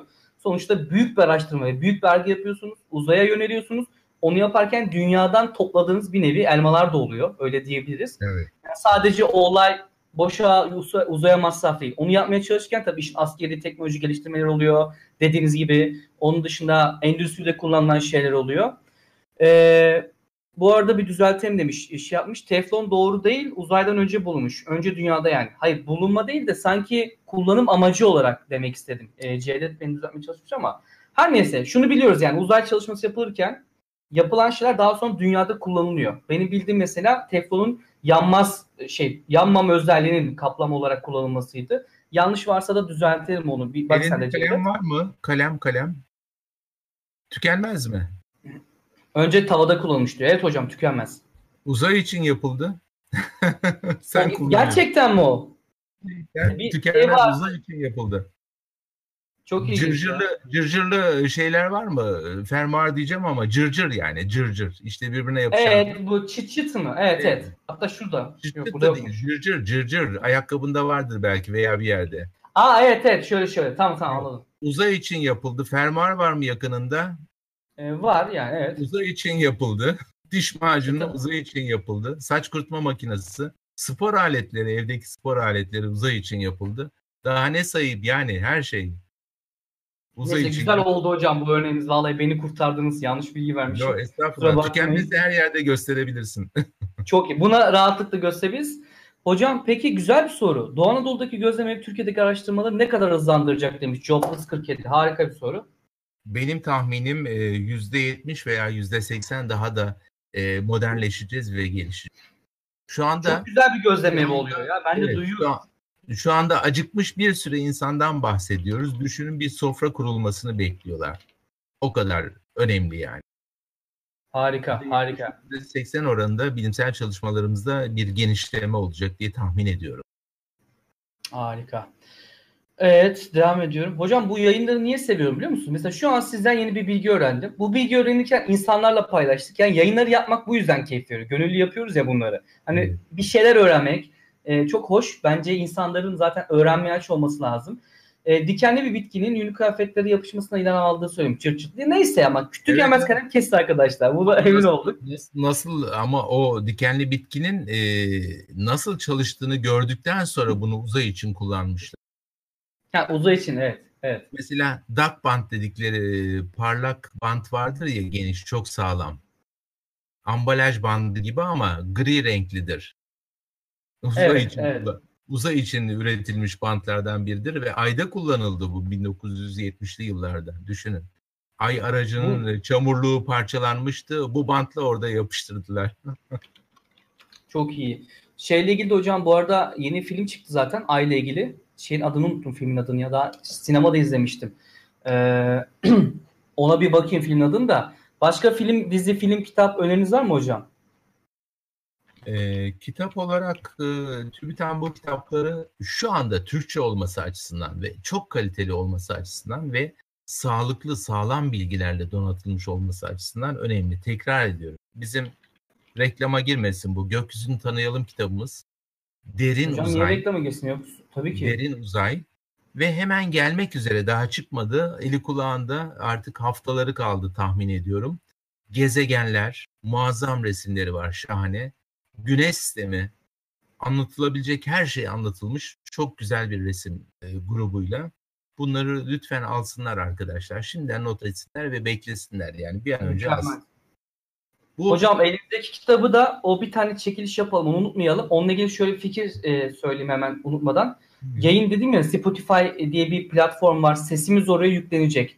Buna podcast evet. diyorlar hocam. Ve insanlar indirecek, dinleyebilecek yollarda. Biz yayından sonra arkadaşlar lütfen takip edin. Hocanın o kitabını ilk daha doğrusu daha önce gösterdiği kitabına ücretsiz erişmek isteyen bir kişi bizi dinlesin. Ee, Twitter'dan e, bu Spotify linkini koyacağız arkadaşlar. Hocamızın yayınını. Bunu retweet eden kişiler içinden bir hafta süre vereceğiz. Bir kişiye özür dileriz çünkü elimizdeki imkanlar bu ama bir kişiye oradan çekiliş yapıp bunu da zaten programlarla yapıyoruz. Onu hediye edeceğiz. İkincisi abone olan bir arkadaşımız vardı az önce. Ona da Celet'le karar aldık. E, abone olan arkadaşımıza da Kozmos kitabını hocam. Bunu biz hediye edeceğiz bizim tarafımızdan. E, abone olan bir arkadaşımız vardı. Latemax Twitch Prime'dan. Lütfen bizi ulaşsın. Ona da Kozmos'u hediye edeceğiz. E, bu yeni kita- çıkacak kitaplarınız da hocam mutlaka zaten tanıtımını da yaparız. Biz de onu göstereceğiz ekranları veririz o, hatta. O kitaplar benim kitaplarım olmayacak. Orada Öyle mi? Ha danışmanlığını yaptığımız kitaplar ama yabancı yazarların çevirileri. Türkçe bilimsel danışmanlığını yaptık. Fakat mükemmel kitaplar. Bu arada bizim kitabı e, kazanan arkadaşla ilgili bana bilgileri üretirseniz ben size onları ulaştırırım hocam. Hiç merak ben etmeyin. Kendisine e, eğer arzu ederse imzalayarak gönderirim. Daha Oo, da süper. Süpersin yani, hocam. Onun için Twitter bekleyin. E, seviyor hocam insanlar ya. Ben de Celal Şengör'den bir imzalı şey almıştım. Böyle fotoğraf vardı. E, hoş oluyor. E, bu arada filmin adı First Man. Ya ben The mı diye çok First ondan şey yaptım. The First Man miydi? First Man diye. İzlediniz bilmiyorum. Ben bunu 4'te izledim efektlerle falan. Gerçekten güzeldi. Aya çıkışla ilgili işte Armstrong'un özellikle üzerinde durulduğu bir filmdi. Spotify yerine SoundCloud'u yükleyin demiş. Ya Spotify daha iyi. Herkes de var arkadaşlar. O yüzden daha mantıklı geliyor ve kolay. Bu Kitabı arada... kazanmak için buyurun hocam. 4D dediğin zaman de, dediğin için e, bir şey söyleyeceğim. Sen kitapla ilgili bilgini e, tamamla. Ben onu tamam. söyleyeyim. Kitabı arkadaşlar şöyle kazanabilirsiniz. Yayından sonra Twitter'dan duyuracağız. Spotify'a yüklenmiş olacak bu yayın. Hemen yüklenmiyor çünkü. Arkadaşlar Talat Hoca ile olan yayınımızda e, işte kitabı kazanmak için bu Spotify e, şeyini atıyorum RT yaparak e, kitabı kazanabilirsiniz. Yani bizi Twitter'dan takip etmeniz gerekiyor. Gelecek Bilim'de yan çizgi. Twitter'dan zaten çekiliş için olan tweet'i atacağız. Onu retweet yaptığınızda, tekrar tweetlediğinizde bir hafta süre veriyoruz. Bir hafta içinde retweet yapan kişiler arasında seçeceğiz arkadaşlar.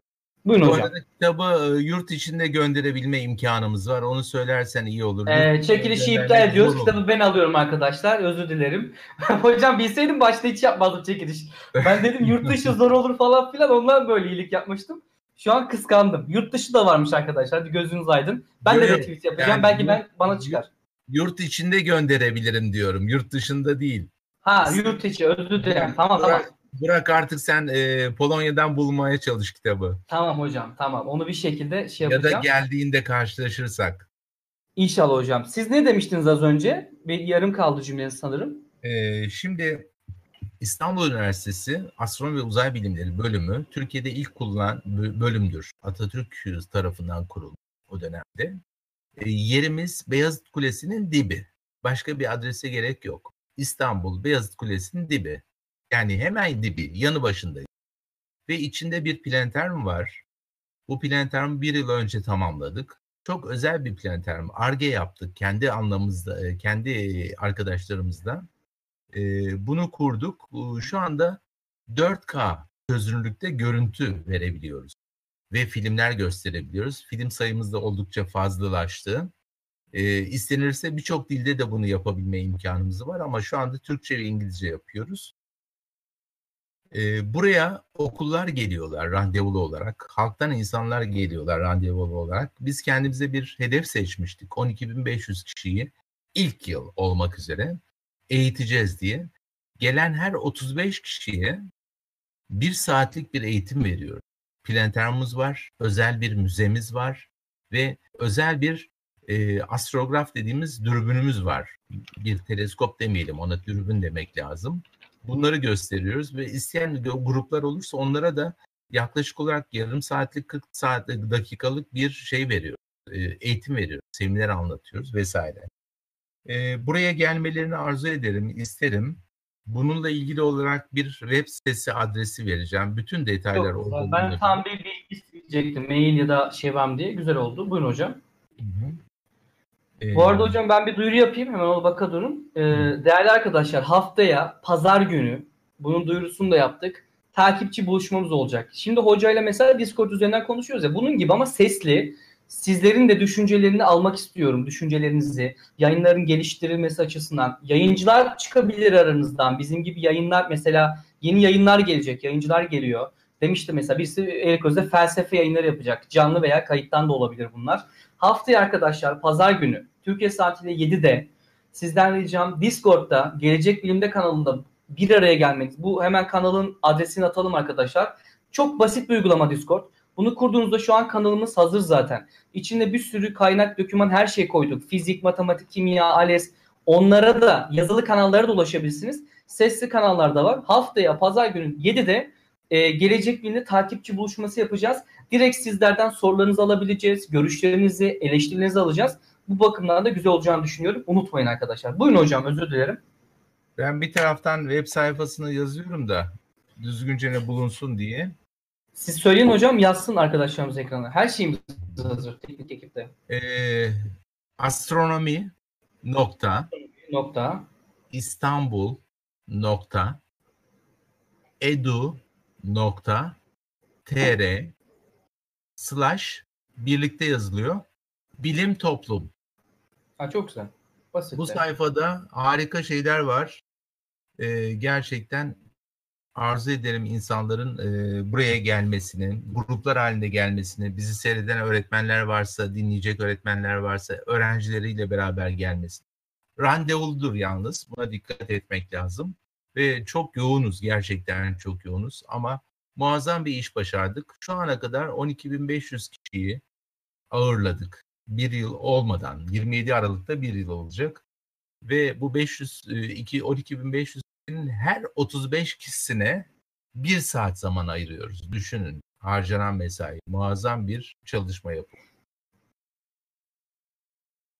Evet. Hocam Burak. ses gitti. geldi. Ben bir an ses gitti sanıyorum. Şöyle bir bakıyorum ekrana. Yanda bir ekran daha var. Ses diyorum gitti mi acaba? Hocam bunu Seninki gitti. olsa bile yeridir.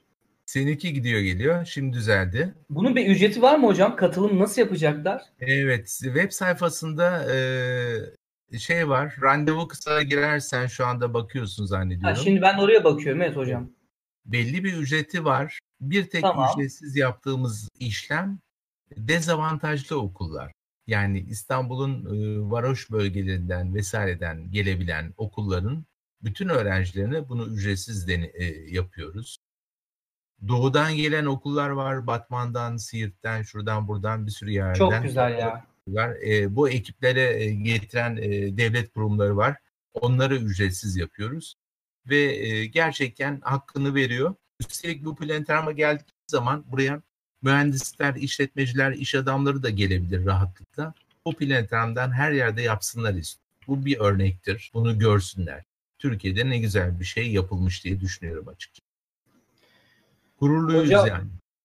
E, sayıya da baktığımda bayağı büyük bir sayı. 12 bin kişi yaklaşık e, ziyaretçi ediyor burada şeyde. O, son hafta girilmedi. Büyük bir ihtimalle o 12.600 civarında olması lazım. Yarın gireceğim rakamları.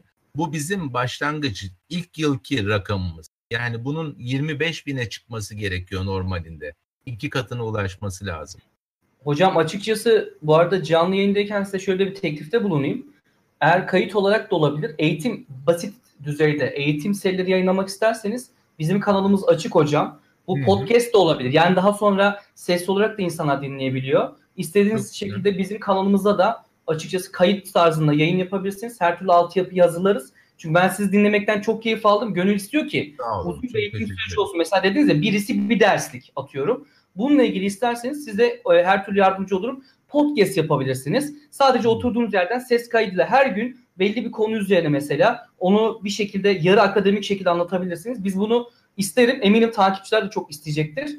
Veya genç arkadaşlar, asistanlarınız da bunu yaptırabiliriz. Çünkü ben istiyorum ki hocam hani üniversitelerin artık vasfı düştü. Siz görüyorsunuz hocam. Her yerde üniversite var. Çok olması bir şeyin iyi değildir. Kalite düştü. Öğrencide de düştü. Belli şeyler oldu. En azından bu sorunları biz görmezden gelemeyiz ama biz bir şeyler yapalım. Zaten kanalın amacı bu. İnternet üzerinden insanlara biraz merak uyandırabilmek, bunu sosyal medyada, internette, sanal dünyada yaratabilmek. Artık dünya da oraya kayıyor hocam. Udemy'ler işte bilmem diğer kurslar. Okullarda görülen bilgiden daha çoğunu internetten artık insanlar izleyebiliyor. Maalesef öyle oldu. E, bu noktada da hocam kapımız açık yani bilginiz olsun her türlü. Çok teşekkür ederim. Bu konuyu seninle tartışalım daha sonra olur mu? Tabii ki hocam her şekilde. Üzerinden çalışalım teknik olarak yerine koyalım.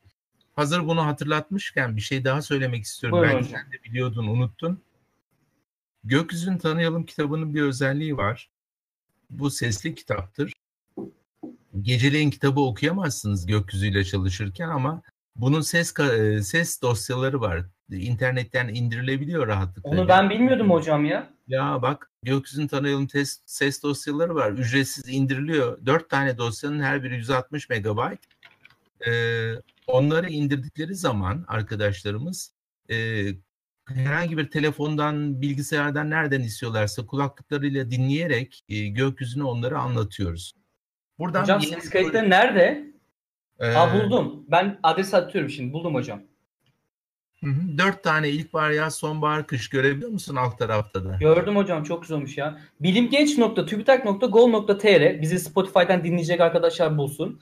Yan çizgi dergimiz yan çizgi GOK yüzünü slash e, tire pardon tanıyalım tire TÜBİTAK tire popüler tire bilim tire kitapları. Açıkçası yazdığınızda çıkacak böyle bir adres oradan bulabilirsiniz. Evet hocam gördüm devam edelim. Bunu yaptıktan sonra TÜBİTAK'a bir proje daha verdik. Kabul ettiler. Çok sevindiler. Ee, ilk örnek bu. Düşünün gökyüzünü anlatalım diye bir kitabımız var. Gökyüzünü tanıyalım diye bir kitabımız var. Çok güzel ya. Görmekle ilgili bir kitap. Görmekle ilgili. Ve biz bunu ben daha doğrusu e, amaların dinleyerek anlayabileceği türde okudum. TÜBİTAK yakında bunu yayınlayacak, aynı yere koyacak ve bütün e, kütüphanelerin e, amalarla ilgili bölümlerine de gidecek bu kitap. İnşallah biz dinleyen ama arkadaşlarımız da vardır. Bu kitaba ulaşabilirler rahatlıkla. Yakında yayına girecektir. Ses kitabı yani daha doğrusu sesli kitap. Böyle Bunları şey- hocam Spotify'a yükleme durumunuz oldu mu ya da biz sizin için yapabiliriz. Zaten bir şey gelir falan para kazanılmıyor buradan. Yani Bunlar gönüllü yapabiliriz.